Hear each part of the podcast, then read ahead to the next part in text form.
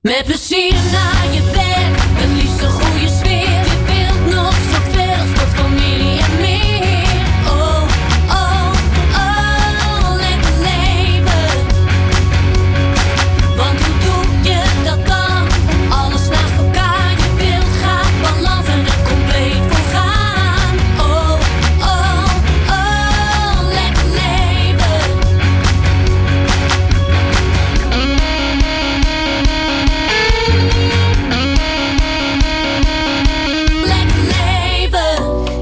Bij weer een nieuwe Lekker Leven met weer een portie inspiratie en heel veel tips voor een lekker leven.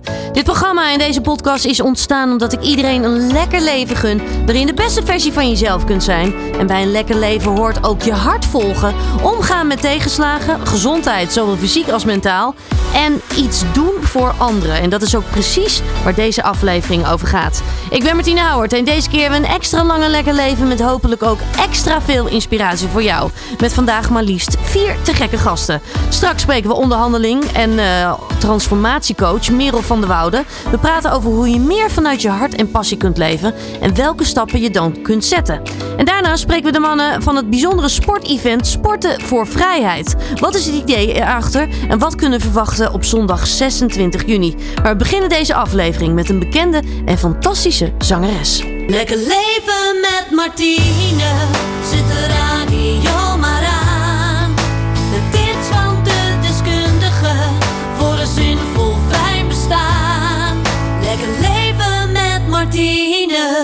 De volgende vrouw kennen we allemaal sinds de jaren 90 van de grote hits van Two Brothers on the Fourth Floor. Met grote hits in Europa, Zuid-Afrika, Argentinië, Canada en ook maar liefst in Amerika zijn ze echt doorgebroken en ze treden nog steeds op door heel het land. Kortom, living the dream. Maar naast de successen heeft ze ook hele uitdagende perioden gehad en kreeg ze te horen dat ze kanker had, wat haar leven voorgoed heeft veranderd. Inmiddels is ze weer helemaal terug van weg geweest. En hoe? Zo zagen we haar stralen in het gospel muziekprogramma Amazing Grace op NPO 1, waarin gisteren ook bekend werd dat ze zelfs de winnares is van dit bijzondere programma. Ik vind het dan ook echt een eer dat deze prachtige en krachtige vrouw hier aanwezig is. Ik heb het over niemand minder dan Desiree. Wauw, wat een mooie aankondiging.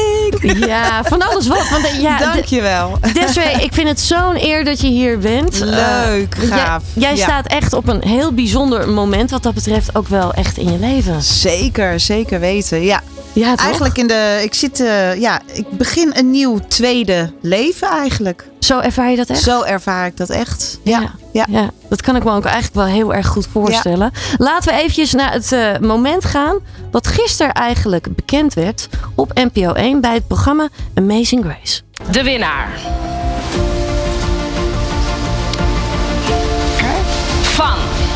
Amazing Grace 2022 is niemand minder dan Desiree! Ja, Wow. Ik voel hem nog steeds hoor. echt? Ja, Als je dit ja. hoort? Ja, ik, ja het is eh, heel bijzonder. Heel, het, is, eh, het zijn vijf hele bijzondere opnames geweest. Vijf bijzondere afleveringen. En eh, ja, zo'n band gekregen met iedereen ook. En Ja. eh, het is eh, ja, zo fijn dat ze dat gunnen. Dat ze jou als winnaar gunnen. Ja, Ja. dat snap ik. Dat Ja. snap ik. Voor de mensen die het programma niet hebben gezien, hoe zou je het omschrijven? Ehm, ja, in vijf afleveringen maken acht bekende zangers, zangeressen eh, kennis met de eh, gospelmuziek. En wat is gospel nou? Waar komt het vandaan? Eh, hoe zing je dat nou? Ja, wa- wat voor muziek is het? En, eh, en, en je gaat natuurlijk op een gospel manier zingen. Ja, klopt. Nou, nou kennen wij ja allemaal van Two Brothers on the Fourth Floor. Ja. Eh, dat is een hele andere soort muziek. Daar gaan we het straks ook nog over hebben. Over hoe Ja. dat allemaal is gegaan. Hoe je daar terecht bent gekomen. En nou ja, wat jullie allemaal hebben meegemaakt. Ehm, maar als we eventjes kijken hè, naar dit programma. Dan is het wel iets heel anders dan wat we van jou gewend zijn. Ja, ik denk, ehm, nou ja, dan wat het grote publiek eigenlijk Klopt. tussen haakjes eh, eh, gewend is van mij. eh, Ja. Omdat ze me kennen van Two Brothers. Maar ehm, ik heb gestudeerd aan het conservatorium. Dat was een jazzopleiding van vijf jaar in die tijd, in de jaren negentig. Ja. Ehm, eh, ja, ik heb zoveel soorten dingen gedaan en ook zelf concerten gegeven, maandelijkse eh, middagen georganiseerd met gastzangers, met band. Dus eh, ja, zingen. Ik hou van zingen en muziek. Verschillende soorten muziek. Ja. Dus niet alleen van dance. Nee, dat is het hè. Ja, Je bent zoveel meer nog dan dat eigenlijk Ja, ook weer. ja. Het is een heel palet eigenlijk. een heel Aan palet. verschillende stijlen die jij ook gewoon beheerst. Ja, Had je wel al, wel al veel affiniteit met gospel? Ehm, nou, niet zozeer dat ik daar dagelijks naar luisterde of zo. Maar eh, in de jaren negentig heeft Birgit mij een keer gevraagd. Dat was echt in onze topperiode, zeg maar. Toen vroeg zij allerlei bekende mensen uit haar omgeving, uit, Ja. uit het vak ook, eh, om mee te doen met haar gospelcore. En eh, daar heb ik een aantal optredens mee aan meegedaan. En, maar ja, we zaten net in die toptijd, dus eh, ik moest daar ook weer uitstappen, zeg maar. Snap ik. Het is gewoon Maar dat druk waren hele bijzondere momenten. En ehm, eh, we repeteerden ook in de kerk bijvoorbeeld, weet je wel. En ehm, die saamhorigheid is me nog zo bijgebleven. De, de, de, de groeps eh, saamhorigheid, dat was echt heel bijzonder. Het, het echt samen creëren en het Ja. samen neerzetten. Ja. Want je zegt ook wel, het is eigenlijk echt een soort nieuwe start ook wel hè? Ja, zeker. naar wat ik allemaal heb meegemaakt. Ja, ja. Kun je ons even vertellen waarom dit echt voor jou een nieuwe start is? Ehm, nou, zo, zal ik zeggen, ik ben 52. Ja, ja. eh, in de jaren 90 echt bekend geworden met Two Brothers on the Fourth Floor. Daarna eh, jarenlang gewerkt. Dus wij bestaan eigenlijk al 30 jaar. ja, fantastisch. Tussendoor zijn we ook gestopt. Hè? Dus dan hebben we ook, heb ik ook andere dingen gedaan, andere dingen ontwikkeld voor mezelf. De koek was even op na de jaren 90. En ehm, eh, ja, verschillende dingen gedaan. Ehm, en in 2016 eh, ja, ging ik echt kiezen voor mezelf. Toen ben ik gaan scheiden na een eh, heftige relatie van 25 jaar. Mhm. En tenminste heftig, ehm, hij duurde lang. En de laatste tien jaar waren heftig, laat ik het zo zeggen. Ja. Maar ik durfde eindelijk die stap te nemen. Dus ik heb heel erg moeten groeien in al die jaren. Van, vanaf, de, vanaf mijn twintiger jaar tot, tot ja, tegen de vijftig aan. Ja, En, eh, en, eh, en daarna, na 2016, dus eerst die scheiding. Nou, hartstikke blij dat ik eindelijk mijn ding heb gedaan. enorme stap ook. Een enorme stap en bevrijding. Ja, En daarna, eh, in 2019, eind 2019, werd er borstkanker geconstateerd. Dus ja, in 2020 heb ik tot en met heel juni, zeg maar, aan de chemo gezeten. En dat is echt een eh, transformatie voor mij. eh dat is echt een keerpunt geweest in mijn leven. Ja. ja. ja, daar gaan we het straks ook nog nou ja, wat dieper op in. Zeg maar wat Ja. het allemaal met je heeft gedaan. Dan komt zo'n programma op je pad. Dan kan ik me ook voorstellen dat je denkt... dat grijp ik echt met beide handen aan. meteen. Ja, ja. toch? Ja, ik, ik, eh, ik had meteen zoiets van: oh, dit is altijd nog een wens van mij geweest. En ik hou van wensen, want Ah. wensen kunnen uitkomen. Ja. zo, zo is het leven. Ja, En, eh, maar de heel on- wel heel onverwachts. Maar ik zat wel te denken: van hé, hey, ehm, ik ben nu bezig met. eh, ik, in mijn ziekteperiode heb ik mijn eigen album ontwikkeld, nieuwe muziek gemaakt en een boek geschreven. En eh, ik was, ja, nu was ik toe aan om dat eh, naar buiten te gaan brengen. Ik, nog niet alles is uit of zo, maar Ja. eh, toe aan een volgende stap. En het zou zo tof zijn als er dan een mooi programma op je pad komt. Nou, en dat kwam. Ja. Want dit was wel heel bijzonder. Ja. ja. Ja, wat een timing dan ook eigenlijk. Hè? Precies op het punt dat je ook nou ja, echt nou ja, voor dat moment staat van ja, nu ga ik echt een nieuwe stap zetten. Ja. Komt zo'n programma dan ook? Ja. Ja, het kwam echt als een geschenk uit de hemel. Echt een cadeau. Ja, Ja, fantastisch. gaaf hoor. Ja. Nu ben je dat programma gaan doen. Wat, wat, wat neem je daaruit mee? Wat, wat is misschien eigenlijk wel het belangrijkste wat je hebt geleerd in dat programma? Ehm, nou, het heeft me een eh, duwtje gegeven, nog meer in mijn zelfvertrouwen. Hè? Want eh, ja, je, je bent eigenlijk, eh, ja, ik heb me heel kwetsbaar opgesteld. Ja. En ik dacht ook van, ja, ik moet echt, dat moet ook. Want ehm, ik, ik wilde met mijn verhaal ook andere mensen inspireren. eh, laten zien dat je er mag zijn. eh, ondanks dat je ja, door zoveel diepe dalen heen bent gegaan, weet je wel. En eh, al je haar verliest en noem maar op. Er zijn altijd mensen die, je bent nooit alleen, laat ik het zo zeggen. En dat heeft mij in die tijd heel erg geholpen. Eh, om uiteindelijk ook te praten met vrouwen die ook borstkanker hadden. En zo toch een beetje dat gevoel te delen. Want het is eh, best een heel eenzaam eh, proces. Zeker. Zeker. in het begin. Ja. Dus, eh, en heel zwaar.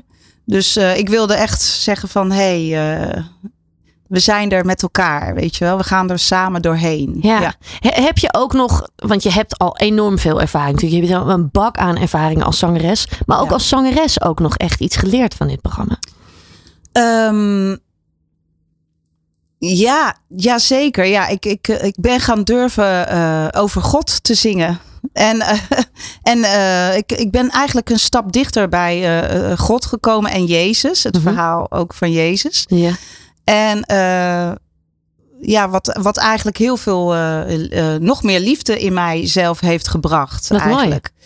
Eh, ik ben niet gelovig opge- opgegroeid, opgevoed. Mijn ouders hadden zoiets van: je mag zelf later ooit beslissen. Ik heb wel altijd contact gezocht, eh, vanaf tiener af aan al met God, als ik het moeilijk had. En, eh, maar vroeger dacht ik dat, dat, eh, ja, dat je de hemel hebt en, en de hel en een man met een baard en dat is dan God. En Ja. het is allemaal rare ideeën en, en ook een beetje bang voor het geloof. Eh, ehm, ook omdat mijn oma was streng katholiek. En ehm, ja, het is, het is hier in Nederland niet echt een happy eh, feeling in de kerk. Hè? Mensen worden wel eh, vaak bang gemaakt. En gelukkig zijn er meerdere stromingen in het geloof ook. En gelukkig eh, hebben we nu ook hele mooie dingen. Maar dat wist ik dus niet. Nee. Snap je? Dus eh, ehm, de gospelmuziek verbind je meer met Amerika. Dat daar in elke kerk iedereen aan het zingen is. En happiness en joy. ja, echt die saamhorigheid ook Ja. weer. Ja, Ja, fantastisch. Het geeft ook knetterveel energie, die muziek. Of je nou gelovig bent of niet. Ja, Het, het, het raakt je gewoon. Dus dat kan ik me heel goed ja voorstellen. het mag, mag echt je hart binnenkomen. En eh, Ja, ja, ja, fantastisch. Ja, ik vind het ook nogmaals eh, gefeliciteerd. Want ik vind het echt geweldig dat je de winnaar bent eh, van dit prachtige programma. ja. Eh, volgens mij gaat het je nog heel veel moois brengen. Want dit is gewoon inderdaad ook een hele mooie nieuwe start van iets nieuws. En wat dat betreft, jullie grote hit, is Ja. natuurlijk daar ook heel toepasselijk bij. yes. Dat is natuurlijk wel echt Dat zo. is zeker. Ja, ja. Ja, dat is ook mijn. ehm, mijn boek heet ook Dreams to Survive. Ja, dat snap ik. Want het heeft mij ehm, vasthouden en volhouden aan je dromen en proberen te realiseren, heeft mij er doorheen gehaald. Ja. Ja, Geholpen. ja, dus eigenlijk dit nummer is gewoon ook een live lied voor je. Lijflied geworden. Zeker. Ja, Ja. had je toch in de jaren negentig nooit kunnen bedenken. Hadden we nooit kunnen bedenken. Ja. Ja. Het grappige is het dat het ook mijn lijflied een hele tijd is Oh ja? geweest. Oh, wat Ja, want dit was in de tijd dat ik nog echt aan het dromen was. Eh, ik was toen nog, nou ja, ik, ik zat nog op school en alles. Ehm, maar het is voor mij, ik, ik was toen anders dan andere eh, pubers om me heen. Ik Ja. wilde gaan dansen, ik wilde gaan zingen. Eh, en dit soort nummers, die juist over die dromen gaan, die hebben me toen die tijd al heel erg een soort power gegeven. Ja, Ja. ik ga voor mijn dromen. Ja. Dat ben ik ook echt gaan doen, Ja, al op jonge mooi. leeftijd. Ja. Eh, dus dank je wel daarvoor. Ook dit nummer heeft voor mij ook impact gehad, Ja. zeg maar. Ja. En zo kan je maar ook weer zien hoe belangrijk muziek kan zijn, wat dat betreft. Ja, ja, vroeger had je fame, hè? En dat was ons voorbeeld eigenlijk van ja, keihard werken en proberen. En eh, de, jou, eh, wij zijn creatieve mensen. Ja. Hè? En eh, als je je kan uiten met muziek of met dansen, ja, dat is. Daar moet je keihard voor werken. En, want de wereld is groot. Hè? En, Zo is het. En, dus dan en hebben we dit nodig, deze muziek. Ja. dat, dat is het. En, en onderscheid je maar van de rest, zeg maar. Daar ben ik ook heel Ja. nieuwsgierig naar. Hoe jij je uiteindelijk hebt kunnen onderscheiden van de rest. En ook Ja. echt van je passie je werk hebt kunnen maken. Daar gaan we hier in het tweede deel van Lekker Leven over praten. Maar eerst muziek.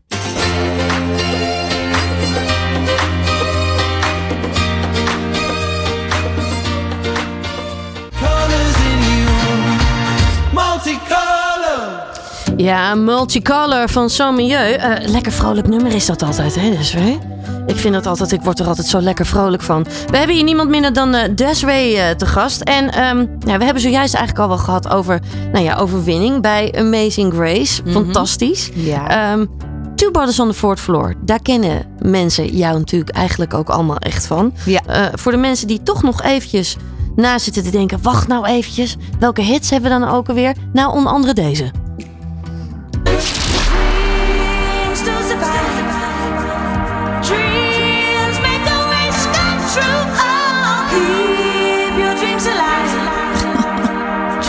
Eh, ga je meezingen? Mag je meezingen? Ja, natuurlijk mag je oh. meezingen. Zing jij mee? Come on, dream on! Zing allemaal mee! Woe! Ja, ik durf het niet. en dan komt de beat. En los. En los. Ja. Ah, dit blijft toch fantastisch, deze muziek. Oh, en ja, het, het is tijdloos. ja, het is echt het is tijdloos. echt tijdloos. Ja, Ja. nog steeds goed. Iedereen wordt er ook gewoon nog weer vrolijk van. Als je het hoort, dan word je gewoon automatisch weer vrolijk. En jong en oud, hè? Ja. Dus eh, tenminste oud. eh, eh, ja, mensen van, onze, van mijn leeftijd dan, laat ik het zo zeggen. Die zijn meegegroeid. Die hebben tieners inmiddels. Die tieners hebben ook die muziek van hun ouders gehoord. Eh, plus de muziek is ook in de film, ehm, ja, hoe noem je dat nou? Eh, de, de, de, de Maaskantjes of... eh, Ja. Oh ja, de New Kids films hebben ze een aantal nummers. Klopt. Come Take My Hand, dat soort dingen. Ja, ja, ja. Dus die jeugd die kent die muziek ook. En het is ook een beetje cult geworden, de jaren negentig. Ja, Ja. Dat is, het is wat dat betreft eigenlijk weer helemaal terug. Hè? Want je Ja. ziet juist ook echt bij de jeugd, ook met TikTok en YouTube en al die dingen, alles komt weer terug. Ja.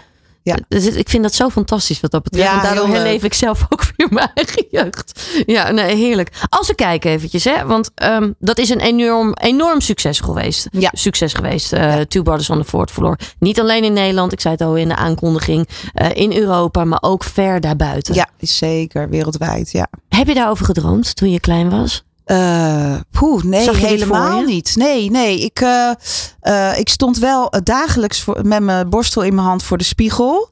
En mijn grote voorbeelden waren Barbara Streisand, Olivia Newton-John, Diana Ross, Whitney Houston.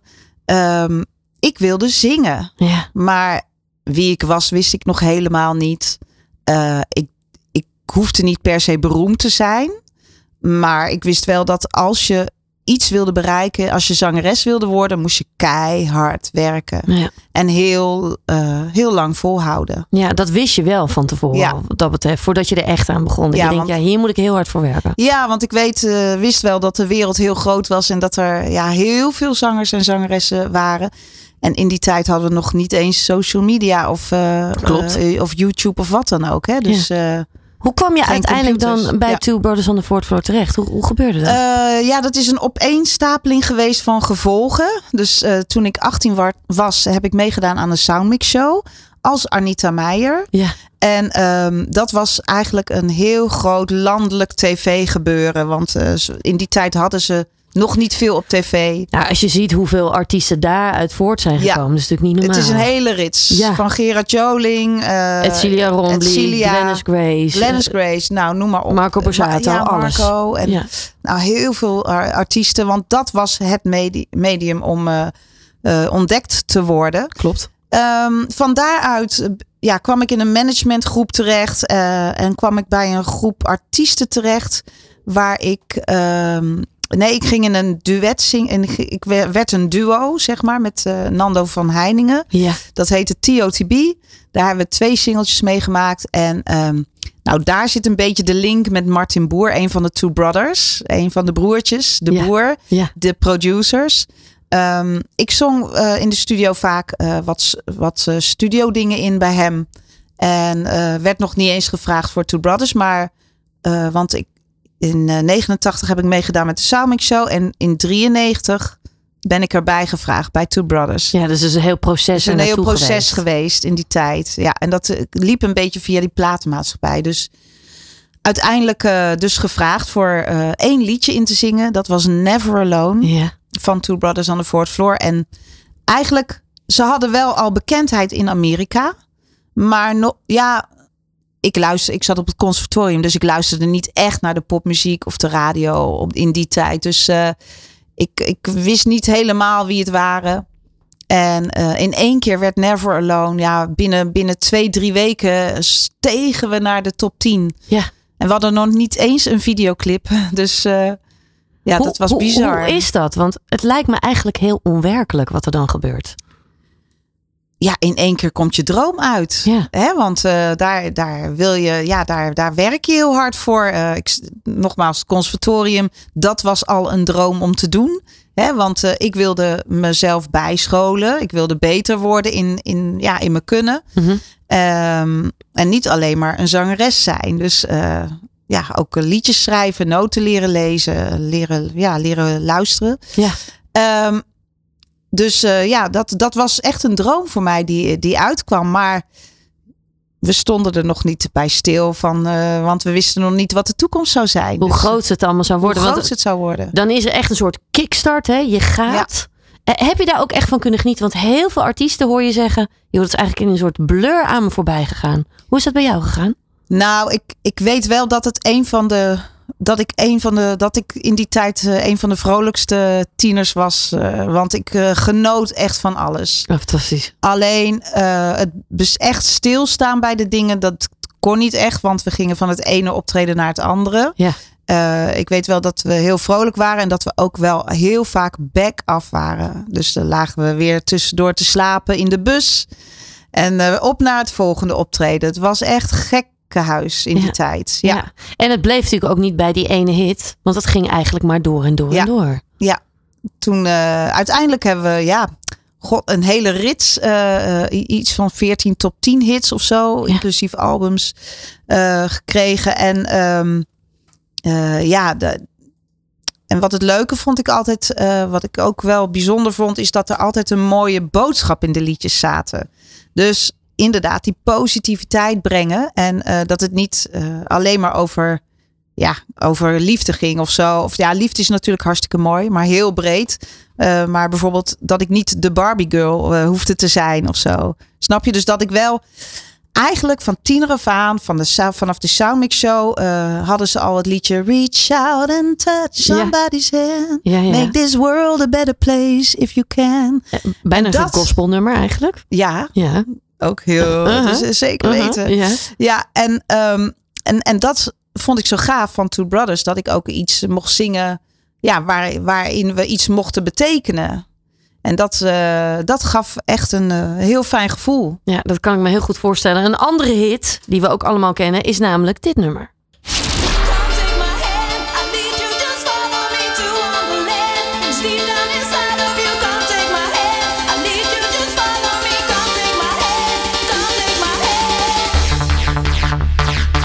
Dit nummer, nou als je geen energie hebt, dan krijg je hier wel energie van. Ja. En dan zeggen we one, two, one, two, three en hakken. Op het podium. Hakken. Heerlijk echt. Maar Come Take My Hand, eigenlijk ook wel, nou ja, een hele toepasselijke tekst ook wel weer hè? Ja. Ja. Ja, I know a place where the sun's always shining with lovely flowers around everywhere. En ik bedoel dan altijd, eh, iedereen is mooi, hè, diep van binnen. Come take my hand, I'll show you, I'll, I'll guide you. I know a place, it's deep down inside you. Mooi. En eh, ja, dat is natuurlijk een prachtige tekst ook. En ehm, ja, dat- dit nummer wordt ook wel, he- ja, dus ik denk een van de grootste hits ook wel hoor, na Dreams. Dat denk ik ook wel, ja. Ja, Ja. eh, bij een heel groot publiek. En het, eh, het wordt ook op begrafenissen gedraaid. En, en ja. Hoe zou je zelf het succes verklaren, nu met terugwerkende kracht? Ehm, nou ja, de jaren negentig was toch wel een hele mooie positiviteit. Heel kleurrijk. We Ja. kwamen eigenlijk een beetje uit de jaren tachtig met de bandjes. Hè? Dus eh, waar punk en eh, een beetje deprimerend. Ehm, de, ja, wat ik heb begrepen, want ik was daar in die tijd nog niet bewust van hoor. Maar de, de muur die viel in Berlijn. Hè? Eh, waardoor mensen ook ehm, behoefte hadden. eh, nee, je had ook eh, eh, een aantal racistische omgevingen. Ja. Ehm, dus mensen hadden wel behoefte aan vrolijkheid en kleur. Denk ik dan. Ja. En de sound veranderde. Van, ja, dat werd in één keer de keyboard sound kreeg je. Hè? Zeker. In, de, in, die, in de jaren Hey, 90. je had heel Ja. veel van dat soort muziek, maar als je nu terugkijkt, wat, wat onderscheid jou toen, of nou ja, wat onderscheiden jullie toen van de rest? Want je had eh, natuurlijk ook Too Limited. Eh Ja, ik was altijd wel fan van op de een gegeven muziek. moment. Ja, eh, 24-7. Ja, Eh, eh, teaspoon. Ja, wat onderscheiden ons? Ja, ik weet niet. Het was er gewoon eigenlijk. Het, was er gewoon. allemaal. Ehm, we hadden wel een heel mooi team. En eh, ik, ja, het is nog steeds mijn broertje gewoon. Ja. Ervaar je dat Eh, echt ook zo? Ja, zeker. Ja, we hebben zoveel samen meegemaakt. Ook met onze oude groep dansers. We hebben ook dansers altijd gehad. Eh, eh, in- inmiddels hebben we een ander team met dansers. Maar we hebben nog steeds contact. En Ja. dat is gewoon geweldig. Fantastisch. Ja, we kunnen nog steeds enorm in een deuk liggen. En ja, dat, ja, ik denk dat je dat uitstraalt. Ja. Wat, wat heeft echt jou geholpen in die tijd? Want er zijn dan grote successen, maar je moet ook continu presteren. Wat heb je nodig om echt op Ja. topniveau te blijven presteren? Ja, eh, natuurlijk geloof, eh, weten, ja, nou, geloof in jezelf. Maar ja, dat was wel een ding bij mij. Want op de bühne geloofde ik wel echt in mezelf. Maar eigenlijk als ik daar... eh, ja, ik was een meisje uit Limburg. eh, en die zijn altijd... eh, nou, tenminste niet altijd, maar... Die worden toch wel op, opgevoed met dat ze een beetje onzeker kunnen zijn. En, en minder dan een ander. Dus daar heb ik altijd wel last van gehad naast de bühne. Maar ehm, wat heeft me geholpen? Ja, toch doorzetten, doorgaan. Ik was altijd in de sportschool te vinden met de dansmeiden om dansjes in elkaar te zetten. Eh, Eigenlijk wel je gedrevenheid, zeg mijn maar. gedrevenheid. En eh, ja, ik heb echt wel momenten, zeker, nou niet zozeer in die tijd gehad, maar meer in mijn leven van moet ik ermee stoppen, weet je wel? En dan zei mijn hart altijd: nee, dat mag niet. Nee, nee, je moet doorgaan, Ja. doorgaan en niet opgeven, weet je wel? En ehm, ja, een lange adem eh, moet je hebben en jezelf ontwikkelen, vooral ontwikkelen. Ik heb ja, ik heb alles wel gedaan om mezelf te ontwikkelen. Ook op zanggebied. Eh, want ja, in die tijd dat je zoveel werkt, kan je ook je stem kwijtraken. Klopt. Nou, uiteindelijk eh, heb ik ook opleidingen gevolgd en cursussen. ehm, ja, van alles maar gedaan om bewust te worden van wat kan je doen met je lichaam. Hoe, eh, hoe gebruik je je lichaam en eh, zorg goed voor jezelf. Ja. Ja. Nou stip je het al aan, hè? die onzekerheid. Er is een enorm groot succes. Je hebt niet alleen in Nederland succes, maar ook eigenlijk nou ja, wereldwijd, overal. Toch is er wel die onzekerheid. Hoe ging jij dan om met die onzekerheid als je het podium opstapte? Had je dan last van die onzekerheid of viel het dan juist van je af? Ja.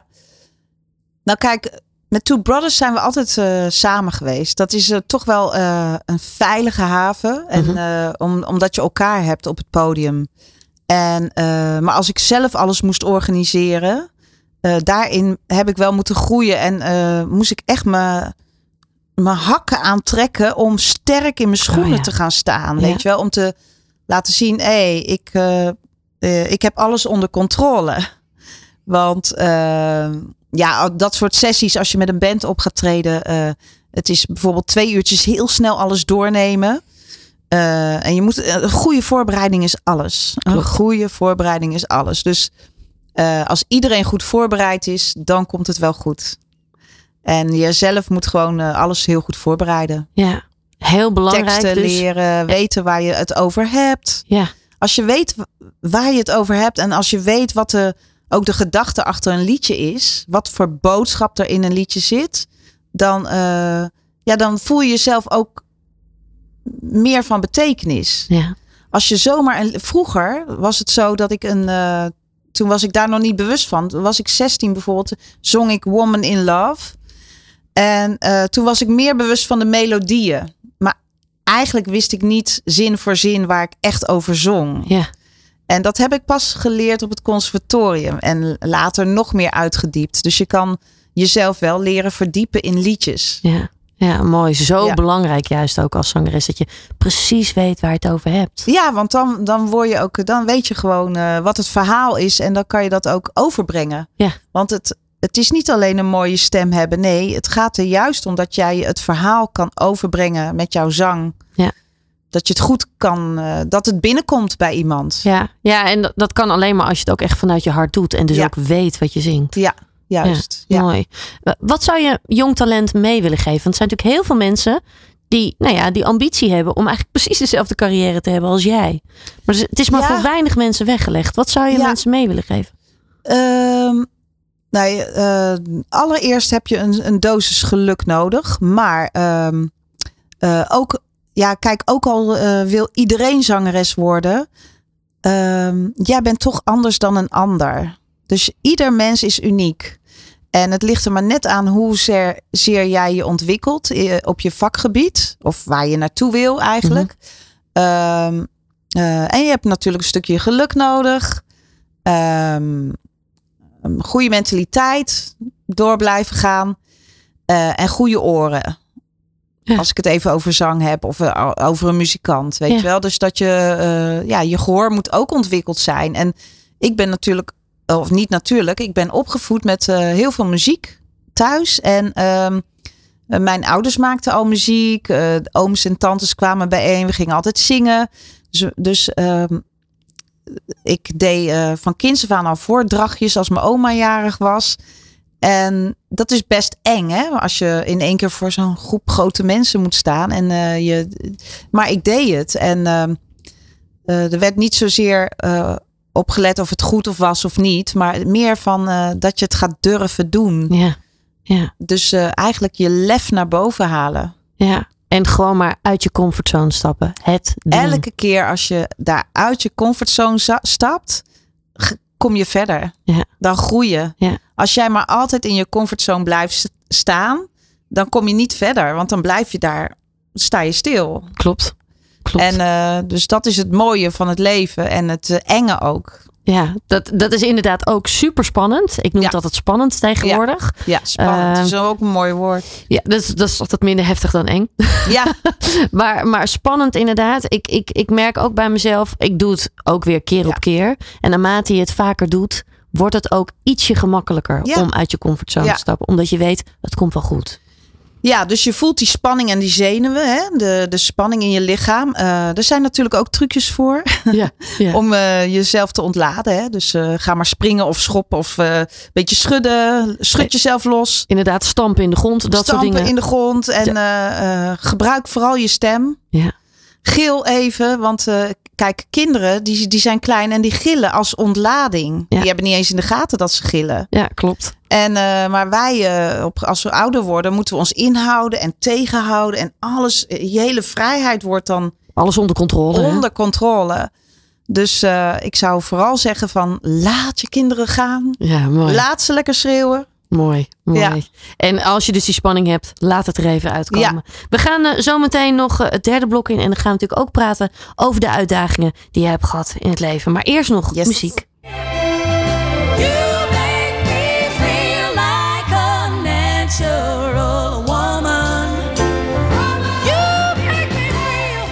Ja, Natural Woman van Aretha Franklin. Ja, ik vind jou ook echt een natural woman wat dat betreft. Oh, Desiree. dit is ook een van de heerlijkste nummers om te zingen. Dit. Ja, toch? Ja, Ja, ja, Ja. dat kan ik me heel goed voorstellen. Past ook wel mooi weer bij eh, Amazing Grace. ja zeker. Wat je natuurlijk zojuist eh, gewonnen hebt. Ehm, we hebben zojuist over je carrière gehad. Hè? Over Ja. hoe dat allemaal is gegaan. Hoe je van je passie je werk maakt. eh, enorme stappen hebt gezet. Hoe je ook met die spanning omgaat.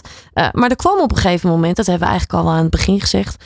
Een, een moment waarin het, nou 2016, de scheiding. Ja. Maar op een gegeven moment ook eh, ja, je te horen kreeg dat je kanker had. Ja, ja.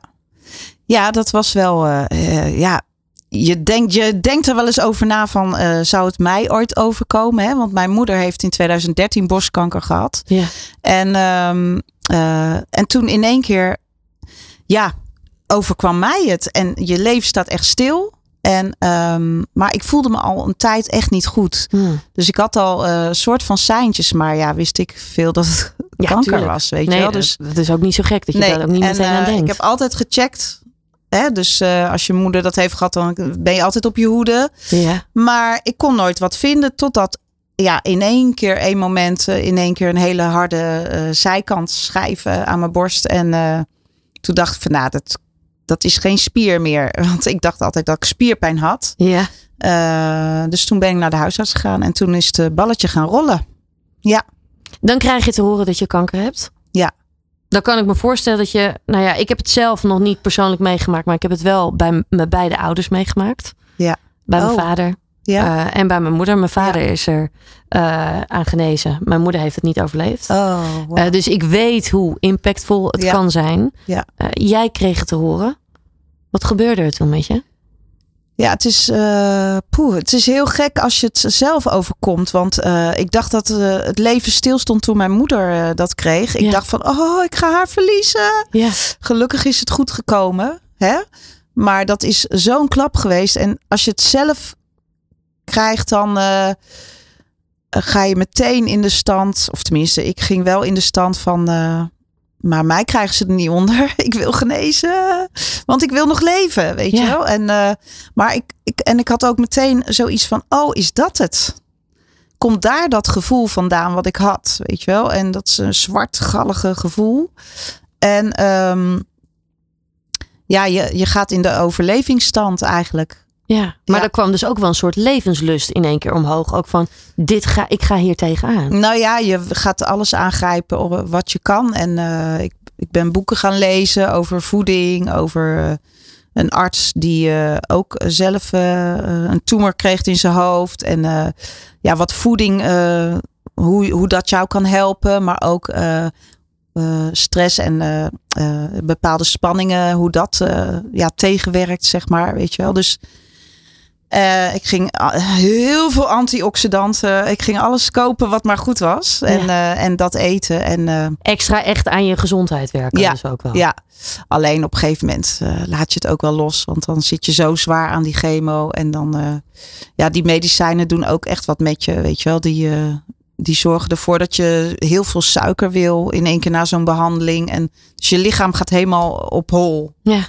Zeg maar. Ja, ja. Nou is het natuurlijk eh, zo'n proces, hè, dat doet fysiek heel veel met je, maar het doet mentaal ook heel veel met je. ja.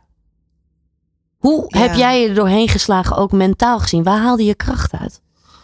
Nou, eerst in eerste instantie eh, eh, dacht ik van, oké, o- ook al verlies ik al mijn haar, ik ga zorgen voor haarstukjes, voor een mooie pruik, mutsjes, eh, zorg dat je make-up leuk zit. eh, ja, Echt meteen ook weer in oplossingen ja, denken, dus zeg in- maar. ja, oplossingen vinden voor Ja. van alles. Ja. Dat wordt steeds zwaarder. Des te me- meer maanden je aan de chemo zit, hoe zwaarder het wordt. Dus eh, dat viel niet altijd mee. Zeker niet in de hete zomer. Maar ehm, nou, ik ben gaan mediteren. Ik kon stil gaan zitten. Eindelijk mocht ik s- ja, niks meer hoeven te... Ik mocht ziek zijn, laat ik het zo zeggen. Ja. Ik liet de wereld helemaal los.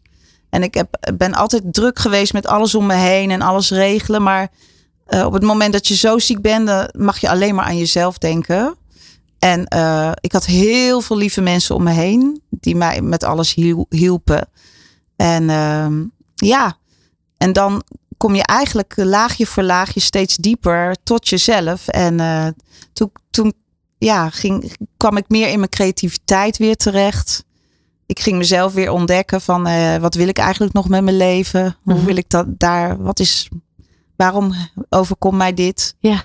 Ik wilde eigenlijk een soort van positivi, positiviteit eraan eh, zeg maar. tegenoverzet aan, Ja. aan gaan koppelen, inderdaad. Dus ik ben eh, daar, daardoor een boek gaan schrijven.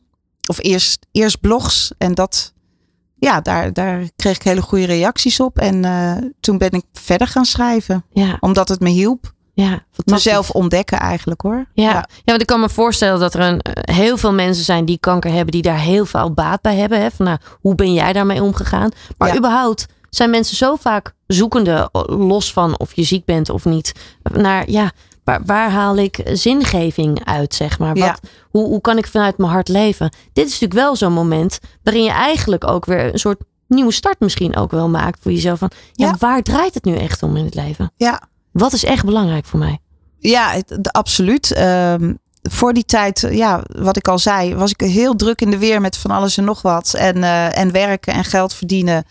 En, ehm, maar eigenlijk liep ik al, tegen mezelf aan. Want ik was, eh, ja, ik deed niet de dingen waar ik echt blij van werd. En ik smeekte echt steeds om een seintje van, alsjeblieft, laat er iets gebeuren. Waardoor ik weer eh, naar mijn instinct kan luisteren en naar, naar mijn hart, bij mijn hart kan komen. Want eh, ik kon het niet. Ik kon ik niet de rust nemen om bijvoorbeeld een liedje te gaan schrijven of zo.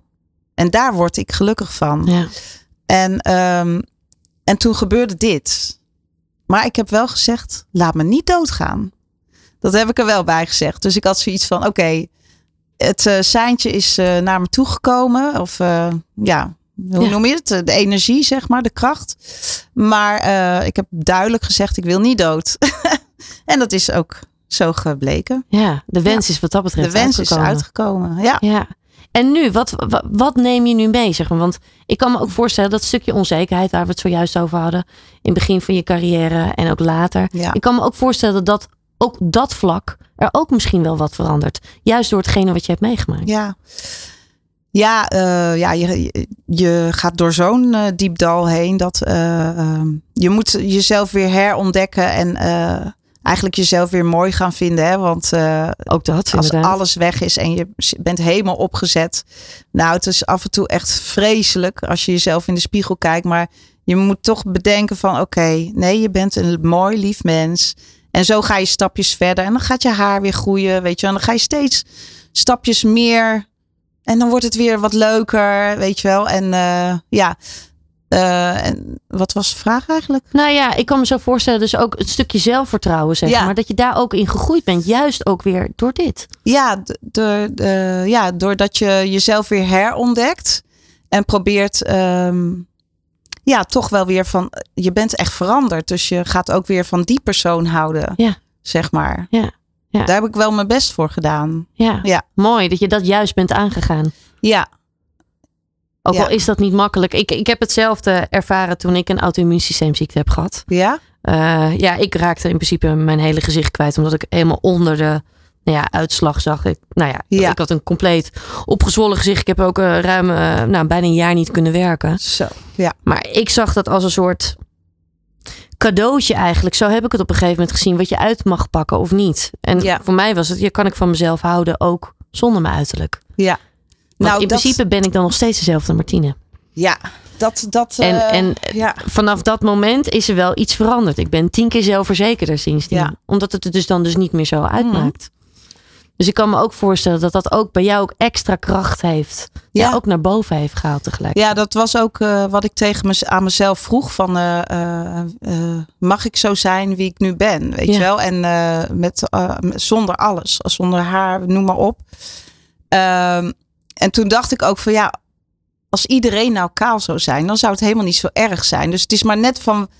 Ik, ik wist ook van, eh, ik heb altijd mijn image, mijn haar was mijn image. Ja, ja. En eh, dat was eh, jarenlang natuurlijk groot. Grote en, bos haar. Extensions en zo. En dat was mijn kracht. En de, in één keer is die hele kracht weg. Weet je wel? Dus je moet het uit andere hoeken gaan halen. Van dat je eh, op een andere manier wat kan betekenen. ja, Zonder die bos haar. ja. Dus eh, ja, en dat ga je vinden in jezelf. En eh, ja, Mooi.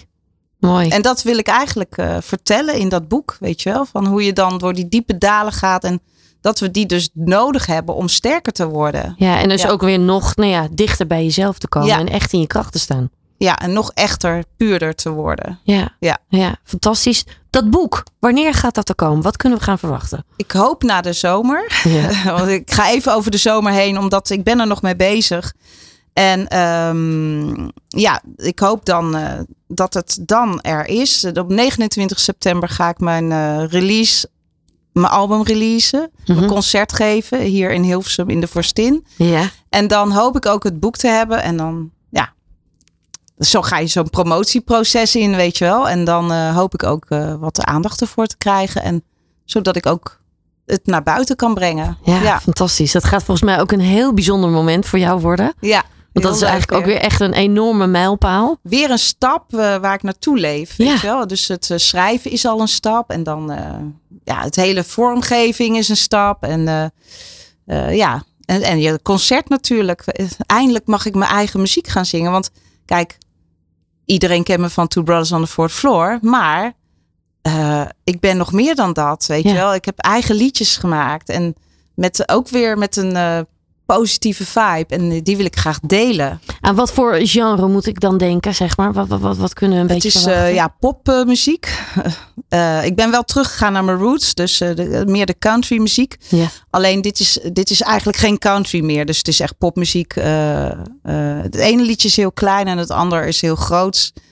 Koortjes erbij. Heerlijk samen zingen. En positieve vibe. Ja. Heerlijk. Heerlijk. Nou, ik ben enorm nieuwsgierig wat we allemaal van jou gaan zien straks. Ik heb trouwens al één liedje uit. Dat heet Diving Deep. Dus eh, die kunnen, kunnen ze al op Spotify beluisteren. Die kunnen we al eigenlijk als voorproefje kunnen we Ja. die al goed gaan Ja. beluisteren. Dus ik wil je enorm bedanken voor het delen van je verhaal. Ook mooi ja, hoe kwetsbaar je je daar ook in wilt opstellen. En mooi hoe je eigenlijk alles ook door wilt geven. En ik denk dat dat heel inspirerend is voor heel veel mensen.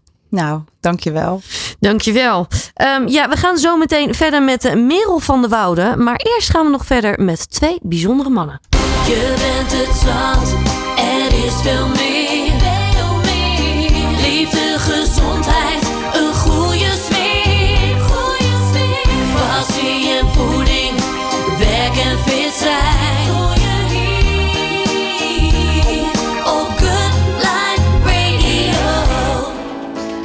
voor Vrijheid is een nieuw concept en een sportevent wat op zondag 26 juli voor de eerste keer plaats gaat vinden in Hoofddorp. Je stapt die dag met heel veel andere mensen op een spinningfiets onder begeleiding van te gekke instructeurs, muziek en videobeelden en helpt hierbij de slachtoffers in Oekraïne. Want het geld wat opgehaald wordt gaat naar Giro 555. Sporten dus voor vrijheid. Twee organisatoren zijn hier aanwezig om hier meer over te vertellen. En dat zijn eh, Bob van Riemsdijk en Martijn van de Ven. Heren, van harte welkom. Fijn dat jullie er zijn. Dankjewel. Ja, Sporten voor Vrijheid. Sporten4vrijheid.nl. Daar kunnen mensen zich opgeven. Een heel bijzonder eh, event. Martijn, wat maakt dit event zo bijzonder? Dingen doen. En eh, als je hart eh, in sport ligt en organiseren en samen dingen in beweging brengen, dan kom je heel snel tot wat kunnen we dan nu doen om eh, te helpen aan een bijdrage. En in dit geval mensen in beweging brengen. Ja. Spinning voor vrijheid kwamen we dus eh, vrij snel op. En eh, een kleine drie maanden geleden kwam het idee op tafel op een zaterdagavond. En eh, binnen een dag was het eigenlijk gewoon gebeurd. Ja. En, en de rest is gevolgd. Dus een duidelijke bestemming voor Giro 555 eh, voor de Oekraïne. En wat we willen bereiken is zoveel mogelijk mensen op de fiets krijgen, jong en oud. Eh, boven de 18 plus, dat is wel even belangrijk om te melden. Maar het is eh, belangrijk om mensen in beweging te brengen. En dat we samen in beweging blijven. Ja. En zwicht dingen zichtbaar maken. Ja. En dicht bij je gevoel blijft dat je dat samen met mensen doet waar je samen dingen mee organiseert. Ja. En dat is de kern, denk ik. En Ja. dankzij ja, onze mo- ontmoeting, Bob en ondergetekende. Bob zal er straks meer over vertellen. Is dat je mensen ontmoet gaandeweg.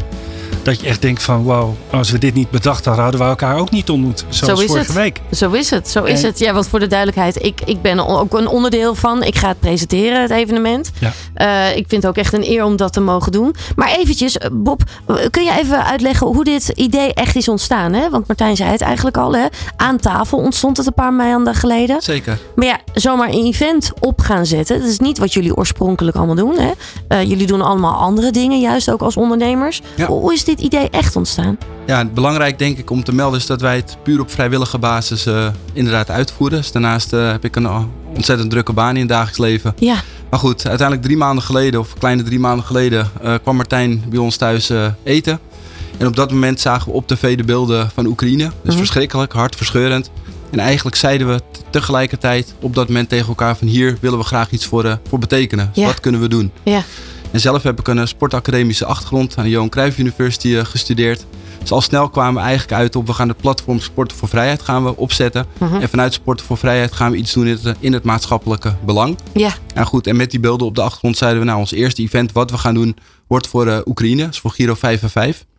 En toevallig eh, sport ik wekelijks in Hoofddorp en volg ik daar spinninglessen. En ik wist dat daar de twee instructeurs, dus René Snelleman en Sander van Rooij, ik wil ook graag hun namen noemen omdat ze zich ook met hart en ziel inzetten voor dit eh, event. Ja, te gek. Heb ik aan hun gevraagd van jongens, jullie hebben een draaiboek liggen. Eh, dit en dat zijn Martijn en ik van plan. Een spinningmarathon voor het goede doel. Doen jullie mee? En eigenlijk reageerden zij meteen ontzettend enthousiast. En zeiden dat gaan we doen. Dus samen met eh, de uitbater van de horeca in het Squa, met z'n vijven, hebben we dat echt in een noodversnelling zijn we het hele platform gaan opzetten. Met ondersteuning vanuit uh, Martijn's bedrijf, vanuit Atelos, die het zeg maar het hele digitale platform heeft eh, ontwikkeld. En samen met eh, ja, de sportinstructeurs, die zeg maar het inhoudelijke programma konden neerzetten, hebben we dit weten te bewerkstelligen. Ja. Inderdaad, we gaan daar eh, ja, dus aankomende zondag een prachtig event eh, voor neerzetten. Waarin we met eh, ja, ruim 100 mensen gaan eh, spinnen voor het, eh, voor het goede doel. Te gek. Ja, een heel mooi initiatief. En ik vind het ook zo mooi, want ik heb met, al met jullie aan tafel gezeten. Eh, passie druipt er vanaf. Jullie zijn zo enthousiast. Kun je vertellen, Martijn, waar dat vandaan komt? Wat is dat? Ja, ik denk toch betekenisvol met dingen bezig zijn Ja, die er te doen. Ja. En ehm, ik kom uit een hele sociaal gezin, eh, Ja. arbeidersgezin. Eh, maar mijn vader en moeder zijn altijd enorm sociaal betrokken geweest. Mijn vader heeft, eh, ik wil het toch even gemeld hebben, onlangs een koninklijke onderscheiding gekregen op zijn eh, 81-jarige. Ja. Nou, dat was al een feest er naartoe. Hè? Dus eh, iedere keer toch bezig zijn met de sociale verbondenheid. En ik vind dat eh, als ondernemer eh, hoort dat erbij. Dat Mhm. is één. Maar twee, het doen is vaak soms in het belang alleen van een bedrijf of alleen van vrijwilligers. Nou, ik denk dat voor mijzelf geldt is dat ik heel graag dingen doe met mensen die positieve energie uitstralen. die daarin ook dingen voor elkaar krijgen, die elkaar dingen gunnen.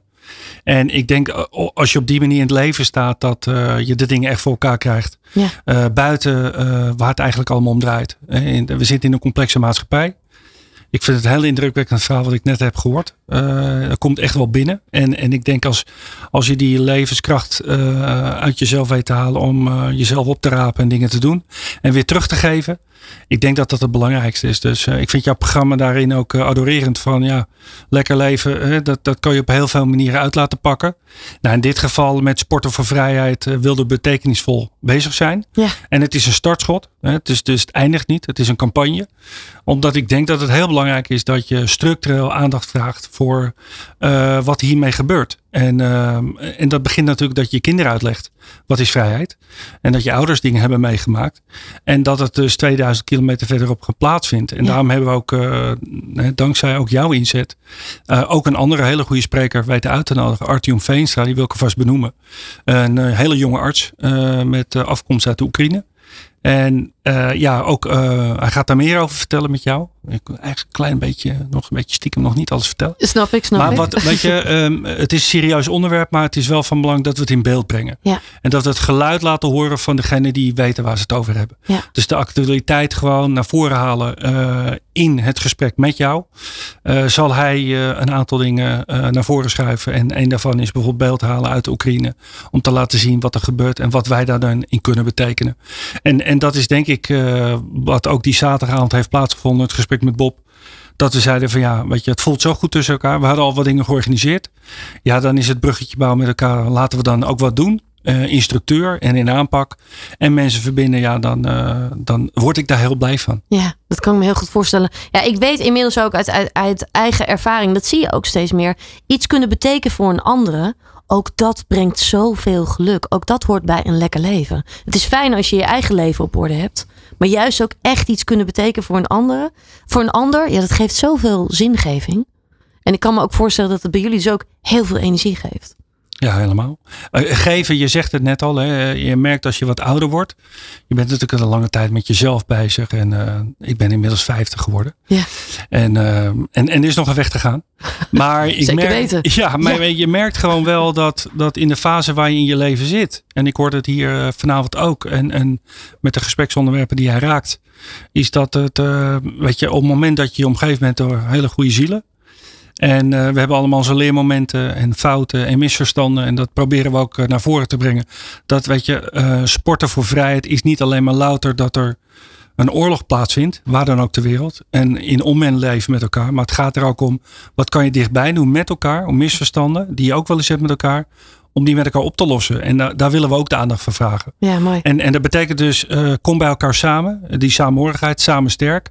En dat is ook een brug naar de sponsoren geweest. Dus samen sterk pakket 1 bijvoorbeeld. Kom met zes deelnemers. Eh, lever een bijdrage. Eh, je wordt in een mooi shirt gestoken. Je krijgt een bidon met drank erin. En vers fruit. Weet je, zo, zo bazaal is het ook. Ja. En eh, zorg dat, dat je bedrijven verbindt. Maar belangrijk is mensen verbindt. Om samen met elkaar daar gaan zichtbaar een beeld op te houden. Ja. En dat is wat we willen bereiken aanstaande zondag. Ja, naast dat het mooi is dat jullie echt ook iets nou ja, meegeven aan mensen om iets voor anderen te kunnen betekenen, is bewegen natuurlijk ook echt cruciaal. Zeker. Juist ook voor een lekker leven.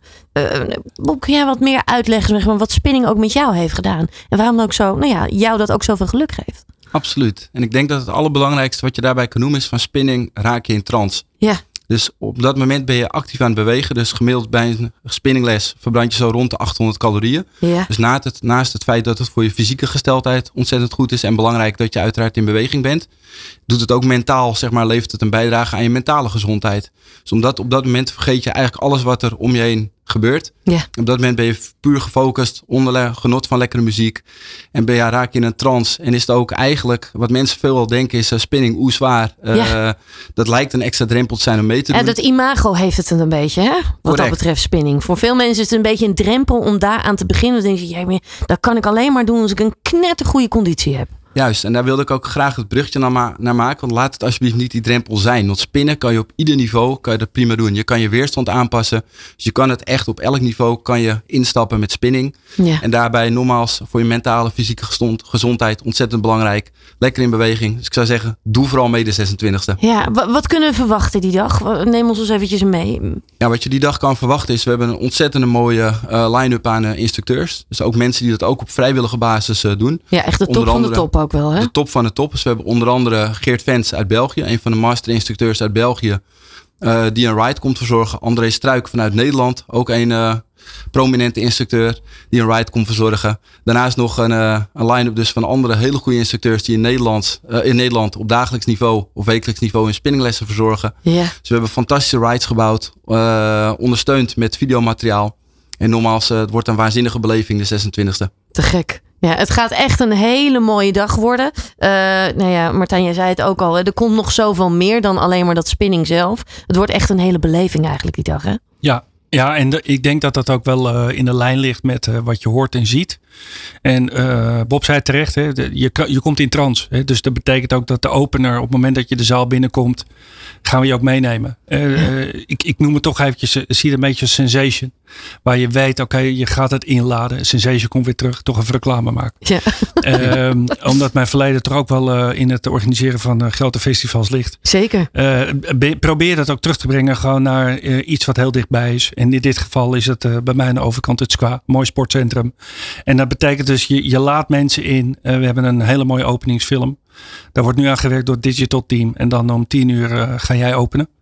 Bob heeft er waarschijnlijk nog wel even een verrassing. Want eh, het, het goede nieuws is, op het moment dat je ergens koers blijft vasthouden en energie in blijft steken, krijg je dat ook terug. Soms moet je dingen even laten gaan. Dat betekent dus mensen gaan aanhaken.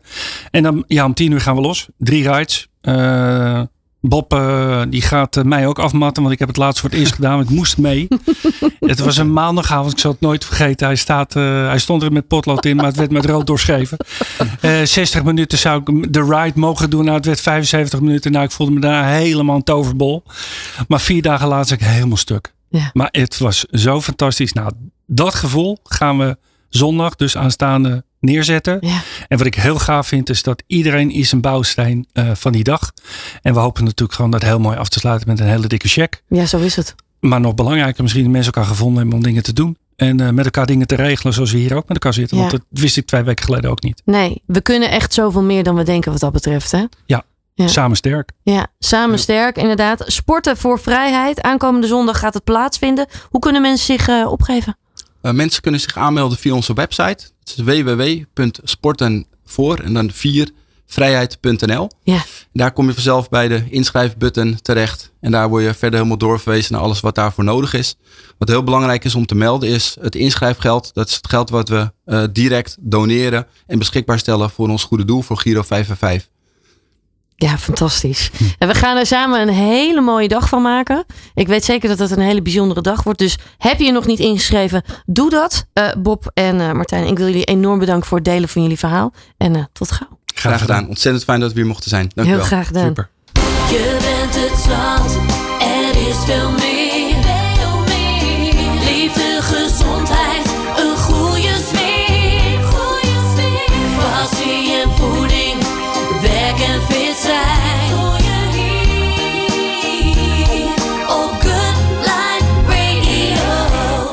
Ja, straks hebben we onderhandelings- en eh, transformatiecoach Merel van der Woude te gast. Maar zoals je van mij gewend bent, geef ik je hier bij Lekker Leven ook graag nog even wat tips mee. Zeg Howard, Waar hou jij eigenlijk van? Nou, lieve, dit zal ik je eens eventjes vertellen. Want bij een lekker leven hoort natuurlijk ook de liefde. Ben je single? Werk je graag aan persoonlijke ontwikkeling? En wil je een match aan de hand van je kernwaarden? Nou, heel goed nieuws. Er is namelijk een nieuwe dating-app. Namelijk de 365 Dating-app. Een initiatief van 365 dagen succesvol. Waar je net even anders kunt daten dan via de bekende apps zoals eh, Tinder, Bumble en eh, Inner Circle. Dus ben je op zoek naar een nieuwe leuke man of vrouw?